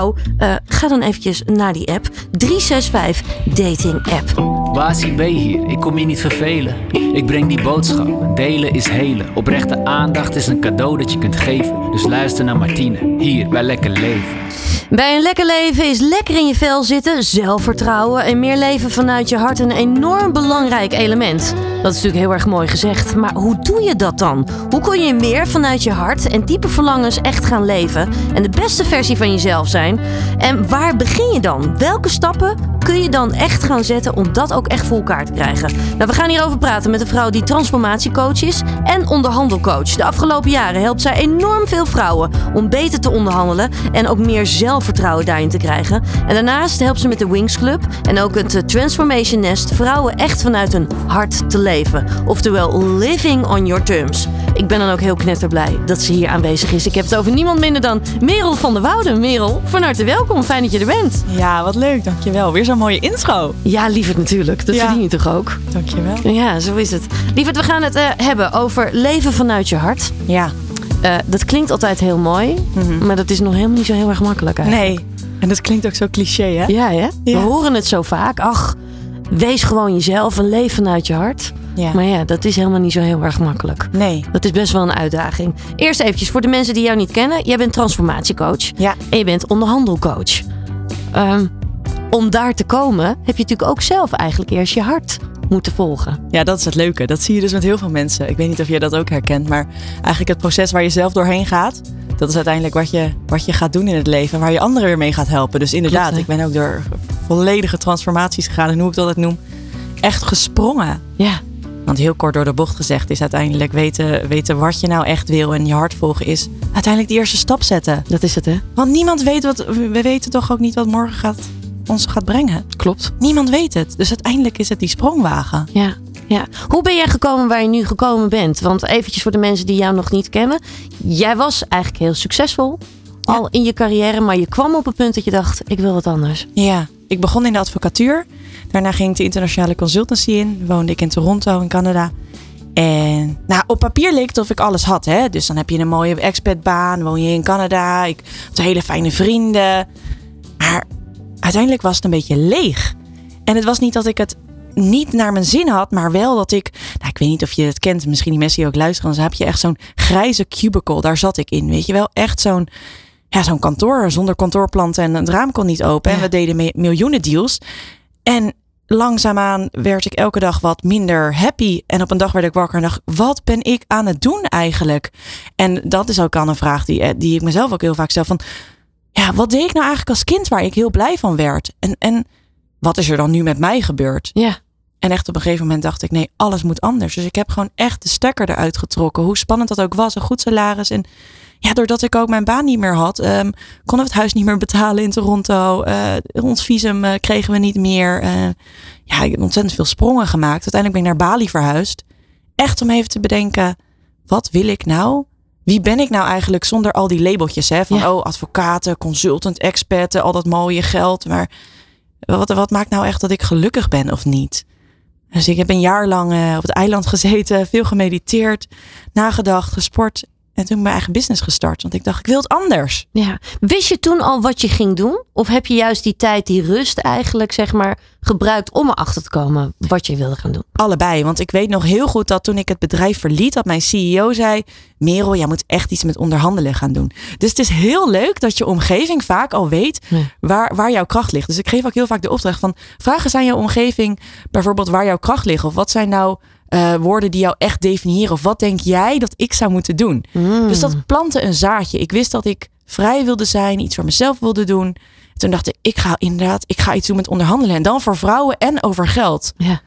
Ja. En zo ben ik begonnen. Maar wat ik diep in mijn hart toen al wilde, en dat is het leuke. Toen wilde ik eigenlijk al anderen helpen om volledig te gaan voor wat zij echt willen, diep in hun hart. Maar ik wist niet waar ik moest beginnen. Ja. Dus dat eerste stapje, heel concreet een niche kiezen. En dat was, dat, dat was de oplossing. Nou ja, en dat bracht je eigenlijk ook heel veel. Want het ging heel snel wat dat betreft. Je Ja. carrière, juist als coach, als onderhandelingscoach. Dat ging heel snel in één keer. Ja, en dat komt natuurlijk omdat je, als je en een niche kiest en je gaat op iets zitten wat taboe is. Ja. Onderhandelen over geld voor vrouwen. Ja. Dat blijft natuurlijk een taboe. En als je dan bepaalde standpunten inneemt. Je kunt natuurlijk zeggen, ja, dat komt door eh, de maatschappij. Of je kan zeggen, ja, eh, vrouwen die kunnen ook een stapje meer zetten. En als je dan net een beetje zo gaat prikken. Ja, dan vindt, dan vindt de media je heel snel. En er waren ook niet zoveel onderhandelcoaches of mensen die vrouwen helpen om beter te onderhandelen over geld. Nee. Nu zie je het steeds meer, hè? Klopt. Maar, maar toen niet. Nee. Nee, we hebben het nu over hoeveel jaar geleden? Ik ben, eh, even denken, vier, vijf, vijf jaar geleden. Ja, vier, vijf jaar geleden. hè? Ja, dat was het. Toen was het echt nog veel meer een taboe dan nu, wat dat betreft. Ja, en je ziet nu ook echt wel dat het veel meer in het nieuws is. Dus ja, het is, het is, het, het is nog steeds een taboe, hè? Ja. Ik zeg ook heel vaak, Nederlanders praten makkelijker over seks dan over geld. en in Amerika is het andersom. Ja, ja mooi is dat Daar ook, vragen hè? ze, what are you making? Ja. En hier, eh, hier absoluut niet. Nee, hier praten we er echt niet over. Nee. Nee. Grappig, hè? Ja, ja, interessant is dat. Hoe zou dat komen, denk je? Mm. Ja, dit- cultuur? Ja, het is, het is echt zeker een deel cultuur. En weet je wat het vooral is? Hoge, nou, zeg maar, doe maar normaal, dan doe je al gek genoeg. Ja. En dat idee van hoge bomen vangen veel wind. En niet je vuile was buiten hangen. Het, is, het zijn echt een paar... combinatie van die dingen, hè? Ja, ja, dat is het echt. Ja, ja. interessant toch eigenlijk, hè? Hoe dat zo ontstaat. Mhm. Waardoor we het dus allemaal er niet over hebben, zeg maar. Nee, en dan hou je het dus eigenlijk ook in stand. Want je weet eigenlijk helemaal niet waar het over gaat. Ja, klopt. Mooi hoe jij wat dat betreft dus dat to- taboe doorbroken hebt. Je bent echt vrouwen gaan helpen. Ja. Wat heb je zelf ook wel in die beginperiode geleerd? Want je begint dan in één keer je eigen bedrijf. Hè? Ja. Je gaat voor jezelf staan. Wat zijn cruciale dingen toen wel voor jou geweest? Nou, wat ik natuurlijk heel spannend vond, is dat ik vrouwen ging helpen om beter te onderhandelen over geld. Dus dat begon met salarissen. Maar uiteindelijk was dat ook als ondernemer zijnde. Ja. Maar dan dacht ik, ja, ik ben nog startende. En dan ga ik dus nu anderen vertellen hoe ze hogere prijzen vragen. En dan dacht ik, ja, maar zelf heb ik ook nog niet eh, de allerhoogste prijzen, want ik ben startend. Ja. Dus ja, daar zit natuurlijk ook dan zo'n stukje van, oh, wat spannend, ben ik nou aan het doen? En dan heb je al die stemmetjes van, kan ik het wel? En, maar daar moet je doorheen. Ja. Daar moet je echt doorheen. Wat voor overtuigingen, belemmerende overtuigingen had jij in die tijd? Ja, ik denk, even denken hoor. Ja, wie, wie ben ik dan dat ik het nu eh, ga vertellen? Vooral de ondernemerkant. Hè? Ik had mezelf nog helemaal niet bewezen als ondernemer. Ik was dan wel eh, advocaat en, en jurist, maar ik had mezelf helemaal niet bewezen als ondernemer. Nee. Dan heb je het allemaal over geld verdienen en jezelf op waarde schatten. En eh, in mijn eerste jaar zet ik volgens mij 25.000 euro om. Ja. Ja. Ja, ja, klopt. Ja, Ja, ja. en dan heb je niet gemaakt. Nee. Wie, wie ben ik dan eigenlijk dat Ja. ik dat dan loop te verkondigen, Ja. zeg maar? Dat ik daar andere mensen mee ga helpen. Ja, maar dat is ook even goed om daar mee te gaan zitten en ook weer te relativeren van, weet je, een nieuwe business starten is spannend en je mag jezelf, je moet jezelf nog helemaal in de markt zetten, je mag nog leren. Dus het is ook oké. Weet je wat we nu zo vaak zien? Alleen maar die succesverhalen van die 20-jarigen die binnen, binnen drie weken een miljoen omzetten. Weet je, dat, die zijn er echt, die zijn er. Ik ken er ook echt voldoende, maar dat, dat is niet de, ja, hoe het over het algemeen gaat. Nee, nee, dat is niet de gemiddelde Nederlander, zeg maar. Nee, en het is ook, ik, ik vind het dus ook oké dat je aan je business bouwt en dat je, dat je fouten maakt. Dat dan geen fouten zijn, maar lessen worden. En Ja. juist die lessen, die kun je weer delen. En daarom, daarmee creëer je toch ook herkenning. Want mensen willen zich toch herkennen in je verhaal. Als jij een verhaal hoort van een 20-jarige die, eh, die een of andere software heeft ontwikkeld. Denk je, ik kan me daar helemaal niet mee identificeren. Hoe moet ik dat dan doen? Maar als je iemand ziet zoals jij en ik, want uiteindelijk zijn we allemaal hetzelfde. Ja. Dan wil je daar wel van leren. Want het is meer van, hey, als ik het kan, kan jij het ook. Ja. Maar dan datgene doen wat jij leuk vindt, waar jouw passie ligt, waar jouw. Ik kijk nu naar jou, waar jouw sprankeling in je ogen vandaan komt. Weet je wel, jij doet dat ook. Klopt, klopt. Ja, ik ben daar, wat dat betreft, ben ik daar heel jong al mee begonnen. Ja. Dus ik ben vanaf mijn 17 ben ik dat al gaan doen. Ja. Toen was ik, ik had niemand om me heen die dat deed, hè, wat dat betreft. Dus iedereen ging gewoon studeren en, en ja, ging gewoon doen zoals het hoort. En ik was wat dat betreft de enige die het anders ging doen. Ik heb me heel eenzaam daarin gevoeld. Wat dat betreft vind ik het nu heel mooi Ja. dat er zoveel mensen zijn die dat ook delen, hoe zij dat hebben gedaan. Ik zou willen dat ik toen podcasts en al die dingen had die je nu hebt, moet ik eerlijk zeggen. Ehm, maar waar haalde jij toen inspiratie vandaan? Wat, waar, waar, waar zocht jij je kracht, zeg maar? Want je zal ook je onzekere momenten hebben Ja, gehad, zoals je tuurlijk. juist ook deelde. Ja, wat ik. Nou ja, ik, ik, ik, kwam, ik kwam uit de internationale consultancy. Ik had geen flauw idee hoe, hoe ik een business moest runnen. Maar ik dacht wel van: oké, met wie moet ik me omgeven en waar kan ik van leren? Ik geloof zo erg dat als je wil groeien, dat je dan op zoek gaat naar mensen die jou inspireren, die een bepaald leven leiden. Die... En toen dacht ik, oké, dat zijn andere ondernemers. Dus het is heel grappig. Voordat ik me ook maar inschreef in de Kamer van Koophandel of een website of wat dan ook, huurde ik al een coworking. Dus dat is, voor de mensen die het niet kennen, dat is gewoon zo'n ja, een groot kantoor waar je allemaal een bureautje huurt. Want ik dacht, dan kan ik van andere ondernemers leren. En dat heeft echt zoveel deuren voor mij geopend. Daar ben ik ook de eerste journalist tegen het lijf gelopen. Die gaf mij toen een interview in de Grazia. En de, en de kop was toen volgens mij van 5300 euro naar 0 euro per maand. Dit is hoe Merel het deed. Weet je, ze kunnen van die mooie koppen maken. Ja, fantastisch. Dat heeft me zo geholpen. Juist de mensen om je heen, juist het netwerk, community. Want weet je wat het is? Ik weet niet of jij dat herkent. Jij, jij sprong ook al heel snel. Eigenlijk verliet jij het, het gebaande pad. Ja. Je krijgt zoveel ongevraagd, misschien goed bedoeld advies van, Zo. ik noem maar wat, hè, van je oma, van je vader, van je buurman, van, van je vriendinnen. Maar daar wil je eigenlijk helemaal niet per definitie advies van vragen. Überhaupt ook niet van krijgen. Je wil advies van mensen waar je ten eerste aan vraagt. En ten tweede waarvan je denkt, wauw, jij hebt een vet leven. Jij hebt iets gedaan waar ik tegen opkijk. En 9 van de 10 keer mensen die jou advies geven of negatief zijn, die, die, die hebben helemaal zelf geen business. Die hebben het zelf nooit geprobeerd. Klopt. En dat is continu zo'n reminder voor mezelf van oké, wie zegt dit nu tegen me? Oké, met wie wil ik me omringen? Je, ik weet zeker dat de mensen die nu ook luisteren, dat je het toch herkent als je met iemand, ja, als je met iemand bent waar je energie van krijgt, dat je vol inspiratie wegloopt, dat je denkt, ik kan het. Ook al wordt het moeilijk, ook al struikel ik misschien, ook al ga ik misschien geld verliezen. Ik ga deze investering doen of ik ga deze sprong wagen. Ja. Met dat soort mensen wil je je omringen. Ja. We hebben zelf toch al dat stemmetje altijd binnen ons hoofd en ik kan het niet en wie, wie ben ik nou? En, eh, Ik denk dat die ook nooit helemaal weggaat, zeg maar, dat kritische stemmetje. En dat hoeft ook helemaal Nee. niet. Maar het is inderdaad, je omgeving is zo cruciaal. Is echt. Dat je mensen om je heen hebt die in ieder geval met jou mee willen dromen, bijvoorbeeld. Of met je meekijken van hé, waar jouw talenten liggen. Of Ja. waar je energie van krijgt. ja. Die zijn zo cruciaal. echt cru- Ik weet echt nog heel goed toen ik in de advocatuur zat. Eh, nou, e- eigenlijk toen ik mijn eerste stage ging lopen bij een groot advocatenkantoor. Ik was echt niet de beste op de universiteit, echt niet.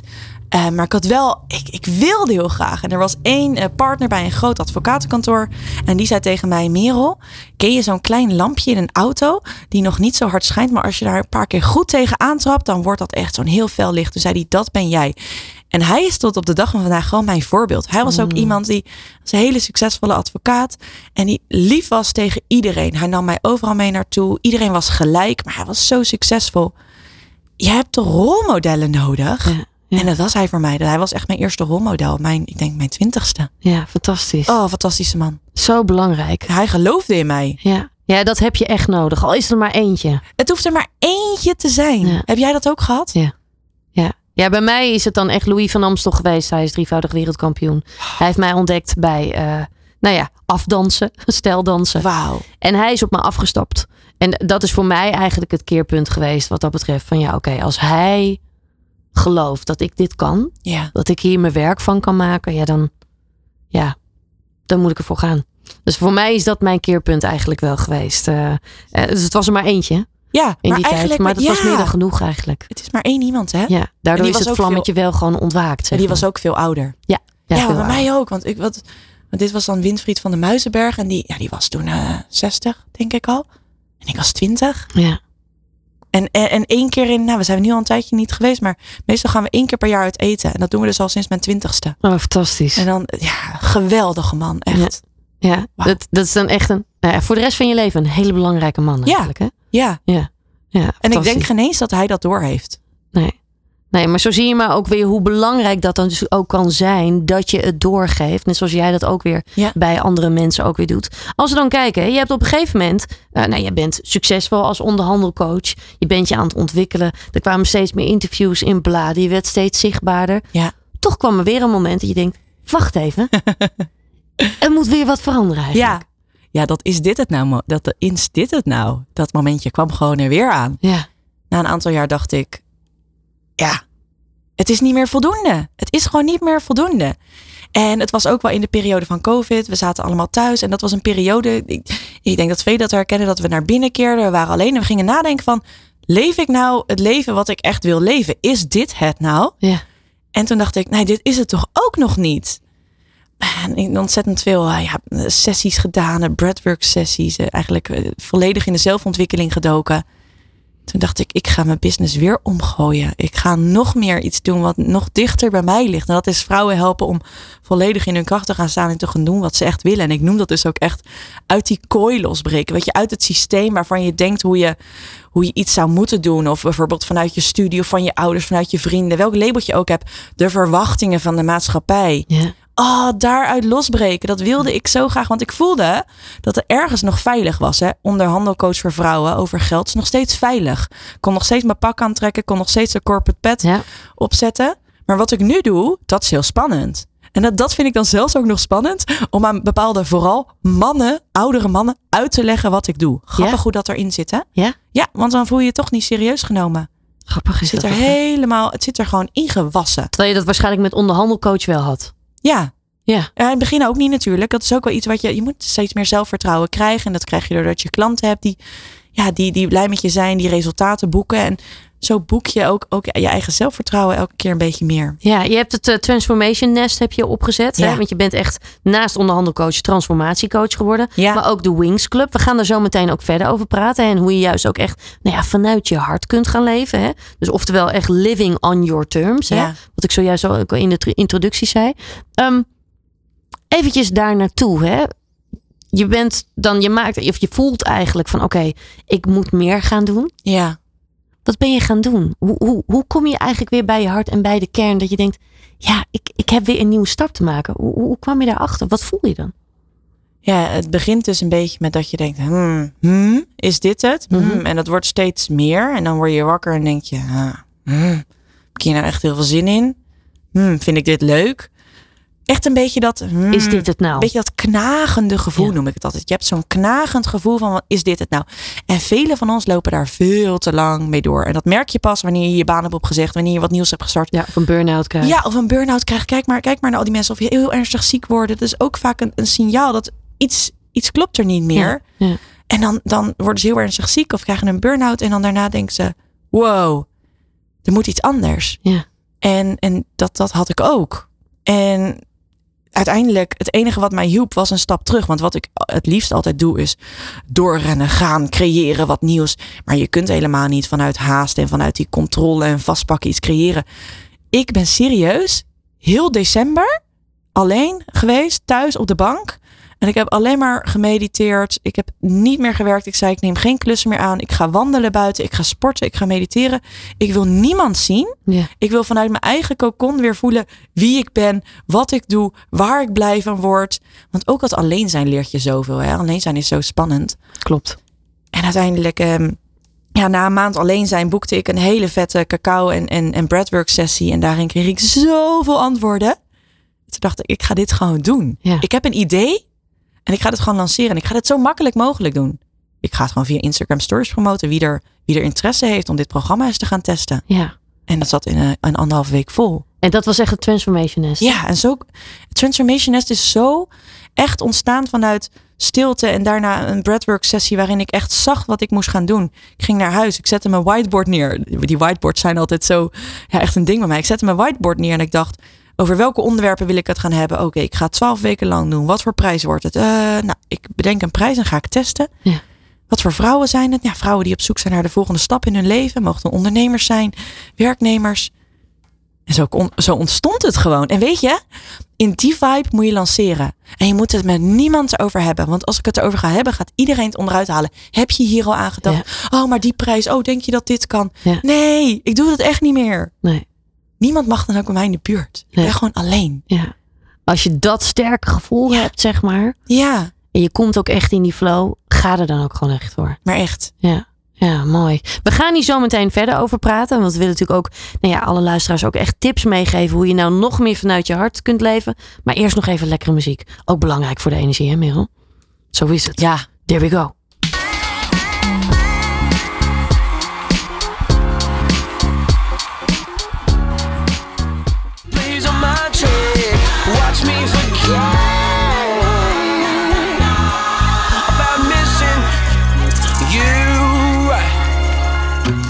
Ja, Ja, Jamie Cullum met Mind Trick. Eh, jij luistert naar Lekker Leven. Inmiddels alweer het laatste blok. En niemand minder dan uh, Merel van der Woude is hier eh, aangeschoven. Merel, we hebben het zojuist eigenlijk wel gehad over hoe je allemaal bent begonnen. Hè? Welke belangrijke stappen je hebt gezet. Hoe je vervolgens ook van onderhandelcoach naar transformatiecoach bent gegaan. Nu combineer je dat ook echt wel met elkaar. Hè? Ja.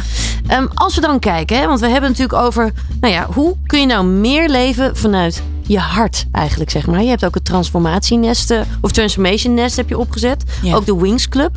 Eh, kun je ons uitleggen wat je daar eigenlijk allemaal precies doet? En hoe pak je dat dan aan met mensen? Ja, het Transformation Nest en de Wings Club zijn eigenlijk heel ver, vergelijkbaar. Alleen bij de Wings Club heb je dus geen één op één coaching. En bij, de, bij Transformation Nest zit wel één op één coaching. Ja. Dus ehm, ja, als we het dan hebben over Transformation Nest, dan gaat het er echt om dat mensen een knagend gevoel ervaren. Van er moet iets veranderen. En dan zien ze bij mij dus voorbij komen van... voel je ook dat het tijd is voor verandering, voor groei. Ja. Eh, daar, zit hij eigenlijk een beetje op. Van ja, wat ga je dan, ga je dan doen? En weet je wat het leuke is? 9 van de 10 mensen, als ik ze vraag wat zou je echt willen doen... zeggen dan tegen mij, weet ik niet. Maar ik geloof dat dus niet. Want weet je, deep down hebben we allemaal een groot verlangen en een droom... wat zo groot is dat we bijna niet durven uitspreken. Klopt. En, en daar wil ik naartoe. Ehm, en dat is wat we met de Transformation Nest doen. doen we door, middel van twaalf weken waarin ik verschillende experts uit, uitnodig. Dus het is echt de combinatie tussen het hoofd en het hart. Dus intuïtie en strategie. Maar ook het spirituele en het aardse. Het gaat alle kanten op. Dus we hebben het over geld en ehm, ja, focus. Maar we hebben het ook over hypnose. We gaan touch of matrix healings doen. ehm, familieopstellingen. Eh, we hebben het over microdosing en psychedelics. Eigenlijk alle tools die je maar kan bedenken. Om uit je comfortzone te gaan en meer naar jezelf. En eigenlijk alles wat we hebben geleerd, om dat eigenlijk los te laten en weer terug te gaan naar de basis. Want dus, kijk hoe ver we al, hoe lang we al geëvolueerd zijn als mens. Klopt. En we, en we, we gebruiken dat helemaal niet meer. Onze Nee. intuïtie, ons hart, alles moet vanuit ons hoofd komen en vanuit de ratio. Wat nou als we daar een balans in creëren? Ja. Ja. Weer meer, ik weet zeker dat, dat, dat jullie dat ook herkennen. Zo'n gevoel waar je niet naar hebt geluisterd.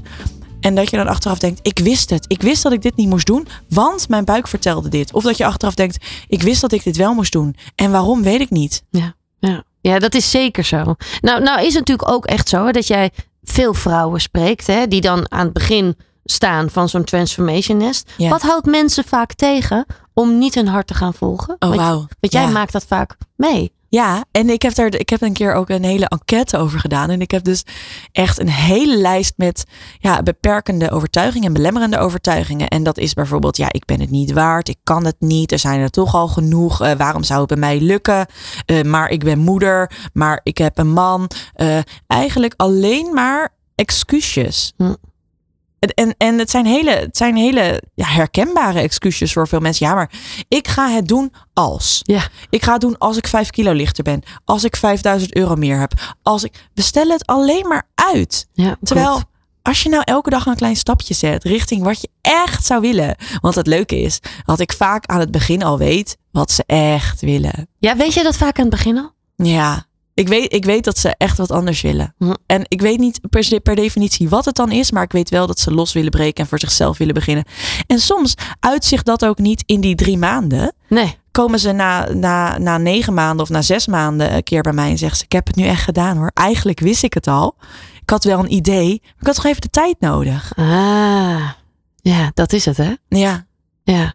Dus dan eh, geef je eigenlijk door Transformation Nest geef je eigenlijk een extra zetje. Ja. Om daar echt naar te gaan luisteren. Naar dat gevoel wat ergens al wel borrelde. Ja, en ook echt, doordat je ja zegt tegen Transformationist, zeg je ook echt ja tegen jezelf. Je geeft jezelf toestemming om te veranderen, om nieuwe dingen te leren. En, en je moet een flinke investering maken. Ja. Dit kost een paar duizend euro. Ja. Ehm, ja, ga- ben je dat waard? Ga je het waarmaken? Dus dat is ook echt, ik zeg ook altijd dat Transformation Nest, dat is gewoon bijvoorbeeld jouw dinsdag of jouw woensdag. Dat is de dag dat jij voor jezelf kiest. Dat je echt gaat doen wat jij wil. En dat mag een beetje pijn doen, hè, dat geld. Mag echt pijn doen. Want als je ook te laag bedrag vraagt, heb je ook low commitment. Ja. Dat zie ik echt. Als ik bijvoorbeeld wel eens iets gratis weggeef, dan komt er 50% niet opdagen. Ja. Als ik wat meer vraag, geld vraag, dan zie je ook dat mensen bereid zijn om, ja, om eigenlijk het tijd voor vrij te maken en denken, ik wil alles eruit halen. Dus dat Transformation Nest geeft ze ook echt dat extra zetje. En ook de community natuurlijk. Hè, van, hey, ik ben niet alleen. Ik heb een stok achter de deur. Ik heb allemaal voorbeelden. Ik heb andere vrouwen die ook allemaal door het proces gaan. En ik heb allemaal experts along the way Ja. die mij kunnen helpen. Ik heb zo'n vette expert ook. Ehm, Kinga heet zij. En zij is ehm, eh, gepromoveerd op het onderwerp emoties. Nou, zo vet. Zij vertelt zoveel over onze emoties. En, en over, ja, nou ja, over emoties dus. En wat ons tegenhoudt. En is magisch. Fantastisch, fantastisch. Kun je ons meenemen wat, welke stap je eigenlijk allemaal kunt zetten om wat meer vanuit je hart te gaan leven? Ja. Want jij hebt zelf die stappen gezet, Ja. maar waar begin je? Ja, die is zo moeilijk hè? Ja, Ja, die is ook echt moeilijk. met name dat begin is zo lastig. Het begin is echt, weet je, het begin is echt het allerlastigst. En weet je waarom? Omdat we vaak niet die hele kleine stapjes willen zetten. We willen het meteen groot. Dat is het hè? Ja, we willen het echt meteen groot. Net zoals met ondernemers die een business willen starten. Dan weet je, 9 van de 10 gaan dan ook gaan businesskaartjes maken, een website. En dan zijn ze urenlang aan het knutselen. Welk lettertype ze willen en welke kleur. Maar uiteindelijk wil je die eerste stap zetten. Ja. Als je een eigen business wil starten, dan heb je klanten nodig. Oké, waar zitten je klanten? Hoe kan je testen? Het zijn alleen maar excuses om niet te gaan doen. Dus die eerste stap zetten om echt meer vanuit je hart te gaan leven, is ten eerste ook om er naar te leren luisteren. Dus ik zeg heel vaak, oké, het voorbeeld bijvoorbeeld van die paraplu. Hè? Dus dat je meer naar je hart en naar je intuïtie leert luisteren. Nou, je staat bij de voordeur en je denkt, ah, moet ik mijn paraplu meenemen? Ik denk dat het gaat regenen. En dat negeer je en denk je nee. En dan die dag gaat het natuurlijk regenen. Je hebt niet naar geluisterd. Dus het, is ook, het is ook ergens het leren vertrouwen op dat stemmetje binnenin jezelf. Ja. En ik zeg ook heel vaak, eh, probeer meer naar je hart te luisteren door niet meteen overal ja of nee op te zeggen. Neem een besluit gewoon eens alleen. Laat hem even liggen. Ehm, en kijk dan eens, oké, wat voel ik nou eigenlijk? En wat ik dan altijd zo mooi vind, eigenlijk, eigenlijk zijn er maar twee manieren hè, om te leven. Of je kiest vanuit liefde, of je kiest vanuit angst. Angst is te kort, gaat niet lukken. Ehm, nou, dat. Of je kiest vanuit de liefde van er is overvloed en het gaat me lukken. En dat zijn de enige twee manieren. Ja. En vaak is het antwoord of de stap die je wil nemen om te groeien de spannendste. Echt, dat is altijd, if je, als je niet weet welke keuze je moet maken, de spannendste, die je niet durft. Dat, daar zit je groei. Ja. Ja. Ja, die is zo eng. En het eerste stapje, weet je wat mij heel erg heeft geholpen toen ik begon als ondernemer? En vertel ik aan heel veel ondernemers, als je nou wil beginnen als ondernemer, ga daarover praten in je omgeving. Maar ook vooral deel met mensen die je supporten. Ik wou net zeggen, wel met de juiste mensen. Wel met de juiste mensen, waar we het net natuurlijk al over Ja. hadden. Dus andere ondernemers bijvoorbeeld, of mensen waarvan je weet, hey, die geloven ook in groei, in out of the box denken, in, in risico's nemen. Ja, dat. Ja. Dat met name ook. Dat het mensen zijn die ook risico's durven te nemen, zeg maar. Of dat al hebben gedaan. Ja. Of succesvol zijn. Ja, Of jou die energie geven. Dat, ik denk dat dat een goede graadmeter is voordat je met die mensen in gesprek gaat. ja. Brene Brown heeft daar zo'n mooie quote over, hè? weet je wel? Oh, dit is echt. If you're not in the arena getting your butt, kicked, I'm not interested or open to your feedback. En Zeg maar echt ja. Ja. Als jij daar zelf niet staat te hasselen, als jij dat pad allemaal niet hebt bewandeld, hoef ik het ook niet te horen. Klopt. Nee. Klopt. Dat is ook echt zo. En dat, wat dat betreft heb ik ook moeten leren om dat soort dingen ook wat meer nou ja, te skippen. Erin en eruit. Ik ook. Wat mensen tegen je zeggen. En dan alleen maar eigenlijk te filteren wat er echt toe doet. Of tenminste de mensen die er echt toe doen, zeg maar, voor jou. Ja. En weet je, ik denk ook dat we nog steeds mensen zijn en dat het je altijd wat doet. Tuurlijk. En dus ik zeg ook altijd, ja, mij doet het ook als ik een keer als iemand iets niet aardigs over mij zegt of niet leuks of, of, of slechte feedback bijvoorbeeld krijgt, vind ik ook vervelend. Terwijl ehm, het niet betekent dat ik niet meer mezelf geloof, maar het heeft wel impact. Maar het allerbelangrijkste vind ik altijd van, oké, maar wat doe je er dan mee? Ja. La, laat het je vooral niet tegenhouden. Klopt. Dat is het allerbelangrijkste. Het is oké als je er een beetje, ja, een beetje rot door voelt. Dat is oké. Ja, ja, dat mag er gewoon zijn. Mag er ook gewoon zijn. Als we dan verder kijken, hè, welke stappen kan je daarna nog meer zetten? Hè? Dus je, je hebt dan die eerste stap gezet. Je geeft toe aan die angst. Ja, Je gaat er ook wat mee doen. ja. Maar vervolgens, hè, dan, dan eigenlijk nog meer vanuit je hart leven. Hoe, hoe doe je dat dan nog meer? Wat, kun- wat kun je nog meer doen om dat echt eh, voor elkaar te krijgen? Nou, wat ik heel vaak zeg is, oké, waar sta je nu? Dan schrijf je dus op waar je nu staat. Nou, hoe voel je je dan? Oké, en waar zou je heel graag willen staan? Van spreken heel concreet over drie maanden. Waar zou je over drie maanden willen staan? Ja. Oké, ehm, wat ben je daar bereid voor te doen de komende maanden? En wat ben je bereid daarvoor te laten? Dus het begint ook heel erg met loslaten, nee zeggen, focus. Oké, als ik over drie maanden ergens anders wil staan dan waar ik nu sta, dan zal ik ook andere dingen moeten gaan doen die ik heb gedaan. Want waar ik nu sta is gewoon de, de, de optelsom van alle beslissingen en alle acties die ik de afgelopen jaren, maanden, dagen heb genomen. Dus wat ga jij veranderen? En dat is zo lastig, want je wil dus eigenlijk datgene wat je altijd doet, daar ga je verandering in aanbrengen. Dus wat ben je bereid te doen? Wat ben je bereid te laten? Ja. En soms is het ook afscheid nemen van bepaalde vrienden. Soms betekent het ook, als ik naar mezelf kijk, niet meer 60 koffietjes in een week met iedereen, omdat je denkt dat er potentieel iets leuks bij zit. Nee, focus. Elke dag je afvragen, oké, waar leg ik mijn focus op? Want uiteindelijk hebben we maar, zeg ik heel vaak, we hebben zo'n bolletje energie als we 's ochtends wakker worden. En je kunt je energie niet aan alles weggeven. Dus als je nou één doel in het leven hebt, begin dan elke ochtend met waar wil ik over drie maanden staan? Welk stapje zet ik dan vandaag? Want, want wat we heel vaak doen is natuurlijk reactief. Hè? Ja. Mail openen en oh, die heeft dit van mij nodig. Oh, die vraagt dat. hey, wel- welke tool gebruikte jij ook alweer? Ik noem maar wat. Hè? hey, welke schoenen had jij gisteren aan? Niet belangrijk. Niet belangrijk. En we zijn allemaal druk met allemaal dingen die niet belangrijk zijn. Of op social media continu gaan zitten, Ja. inderdaad. Dat je denkt dat je daar inspiratie Ja. uit haalt. Oh, ja. Ja. Maar dat is, dat is ook dat is echt een goede die je benoemt. Want als je echt meer naar jezelf wil gaan luisteren en naar je hart, dan zeg ik eigenlijk altijd minder op social media en eigenlijk iedereen ontvolgen waar je een beetje een naar gevoel bij krijgt. Alleen maar inspiratie en vooral heel goed bedenken, oké, wat is eigenlijk mijn doel? En past Instagram daar nog bij? Want iedereen komt aan mij en zegt, ja, ik wil ook Instagram. Ik wil ook veel volgers hebben. Maar waarom? Wat is je doel met Instagram? Ja. En als we het dan over doel en middel hebben, hè, dat is ook altijd zo'n goeie. Klopt. Van oké, wat is het doel in het leven? Als ik dat dan voor mezelf beantwoord, denk nou, ik wil een leven op mijn voorwaarden. Ik wil gelukkig zijn. En mijn middel is mijn business. En wat we heel vaak doen, is we identificeren ons met onze business. Ja. Als mijn business niet goed loopt, ben ik het niet waard. Als mijn business niet dit, dan. Maar nee, ik, mijn, mi- mijn, mijn, mijn business is mijn middel. En dat moet ik echt onthouden. Dat betekent dus niet dat ik 80 uur ga werken. Misschien soms, we hadden het er net even over. Het is oké om soms hard te werken. Ja. Maar niet altijd. Want uiteindelijk heb je die business om een bepaald leven te leiden. Dat is het, je bent zoveel meer dan alleen maar je werk. Hè? Ja. Ja. Ja, maar we vragen elkaar toch, we vragen elkaar toch ook altijd van, hè, wat doe jij? Klopt. Ja, dat is vaak een van de eerste vragen Ja. die we aan elkaar stellen. Ja. Terwijl, ja, waar sta je voor? Zeg maar, of waar word je gelukkig van? is misschien wel tien keer belangrijker. Dat vind ik echt een leuke vraag. Waar word je gelukkig van? Ja. Ja, waar gaan je ogen van stralen? Wat zou je nou echt willen doen als geld, tijd, plaats, als, als, als er niks meer uit zou mogen? Maar wat zou je dan echt willen gaan doen? Ja. Dat grote dromen, daar wil je toch beginnen. Want dan gaat je energie omhoog. Daar wil, daar wil je komen. Klopt, klopt. Als je tot slot, want we kunnen hier nog echt uren over praten. Als je tot slot nog een, een grote tip mee zou willen geven aan mensen. Welke tip zou dat dan zijn? Mm, doen. Doen hè? Maar echt, echt door die angst heen. En weet je wat het is? Besef je ook dat iedereen die je om je heen ziet, waar, waar je misschien tegenop kijkt en denkt, die hebben dat allemaal niet, die hebben dat ook allemaal. Ik zit namelijk in een netwerk waar er superveel succesvolle ondernemers zitten. eh, mensen die het dan allemaal gemaakt hebben, die miljoenen verdienen. Die hebben ook elke keer nog dat ze denken, gaat dit product lopen? Gaat deze dienst lopen? hebben we allemaal, maar we gaan er doorheen. Dus begin alsjeblieft. En niet nog dertig keer aan je, aan je lettertype gaan sleutelen. Begin klein. Ga het echt doen. Ja, ja maak die kleine stapjes wat dat Nee, betreft. vandaag. Ja. Ga het vandaag doen. Ja, ja. Ja, zo is het. En wat dat betreft is de Wings Club daar ook een goede voor natuurlijk. Hè? Ja, Naast heel- de ja. Transformation Nest. Ja, heel veel vrouwen uit de Transformation Nest stromen dus ook door naar de Wings Club. En daar zitten ook heel veel vrouwen die ehm, ja, denken, ik wil, ik wil een supportgroep. En ik heb niet per definitie één op één coaching nodig. Ik heb een community nodig waarin ik elke maand eh, geïnspireerd raak.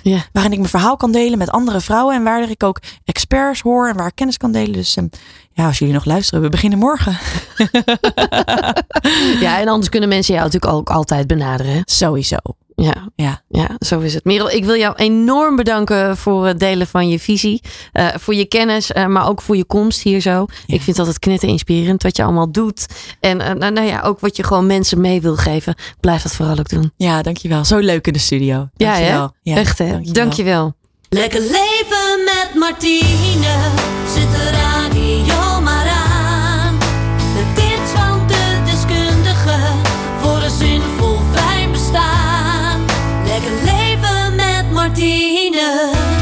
Ja, deze keer een extra lange lekker leven met hopelijk ook extra veel inspiratie voor jou. Heb je nou vragen of opmerkingen? Laat het mij dan alsjeblieft weten via mijn Instagram kanaal Martine Howard met AU.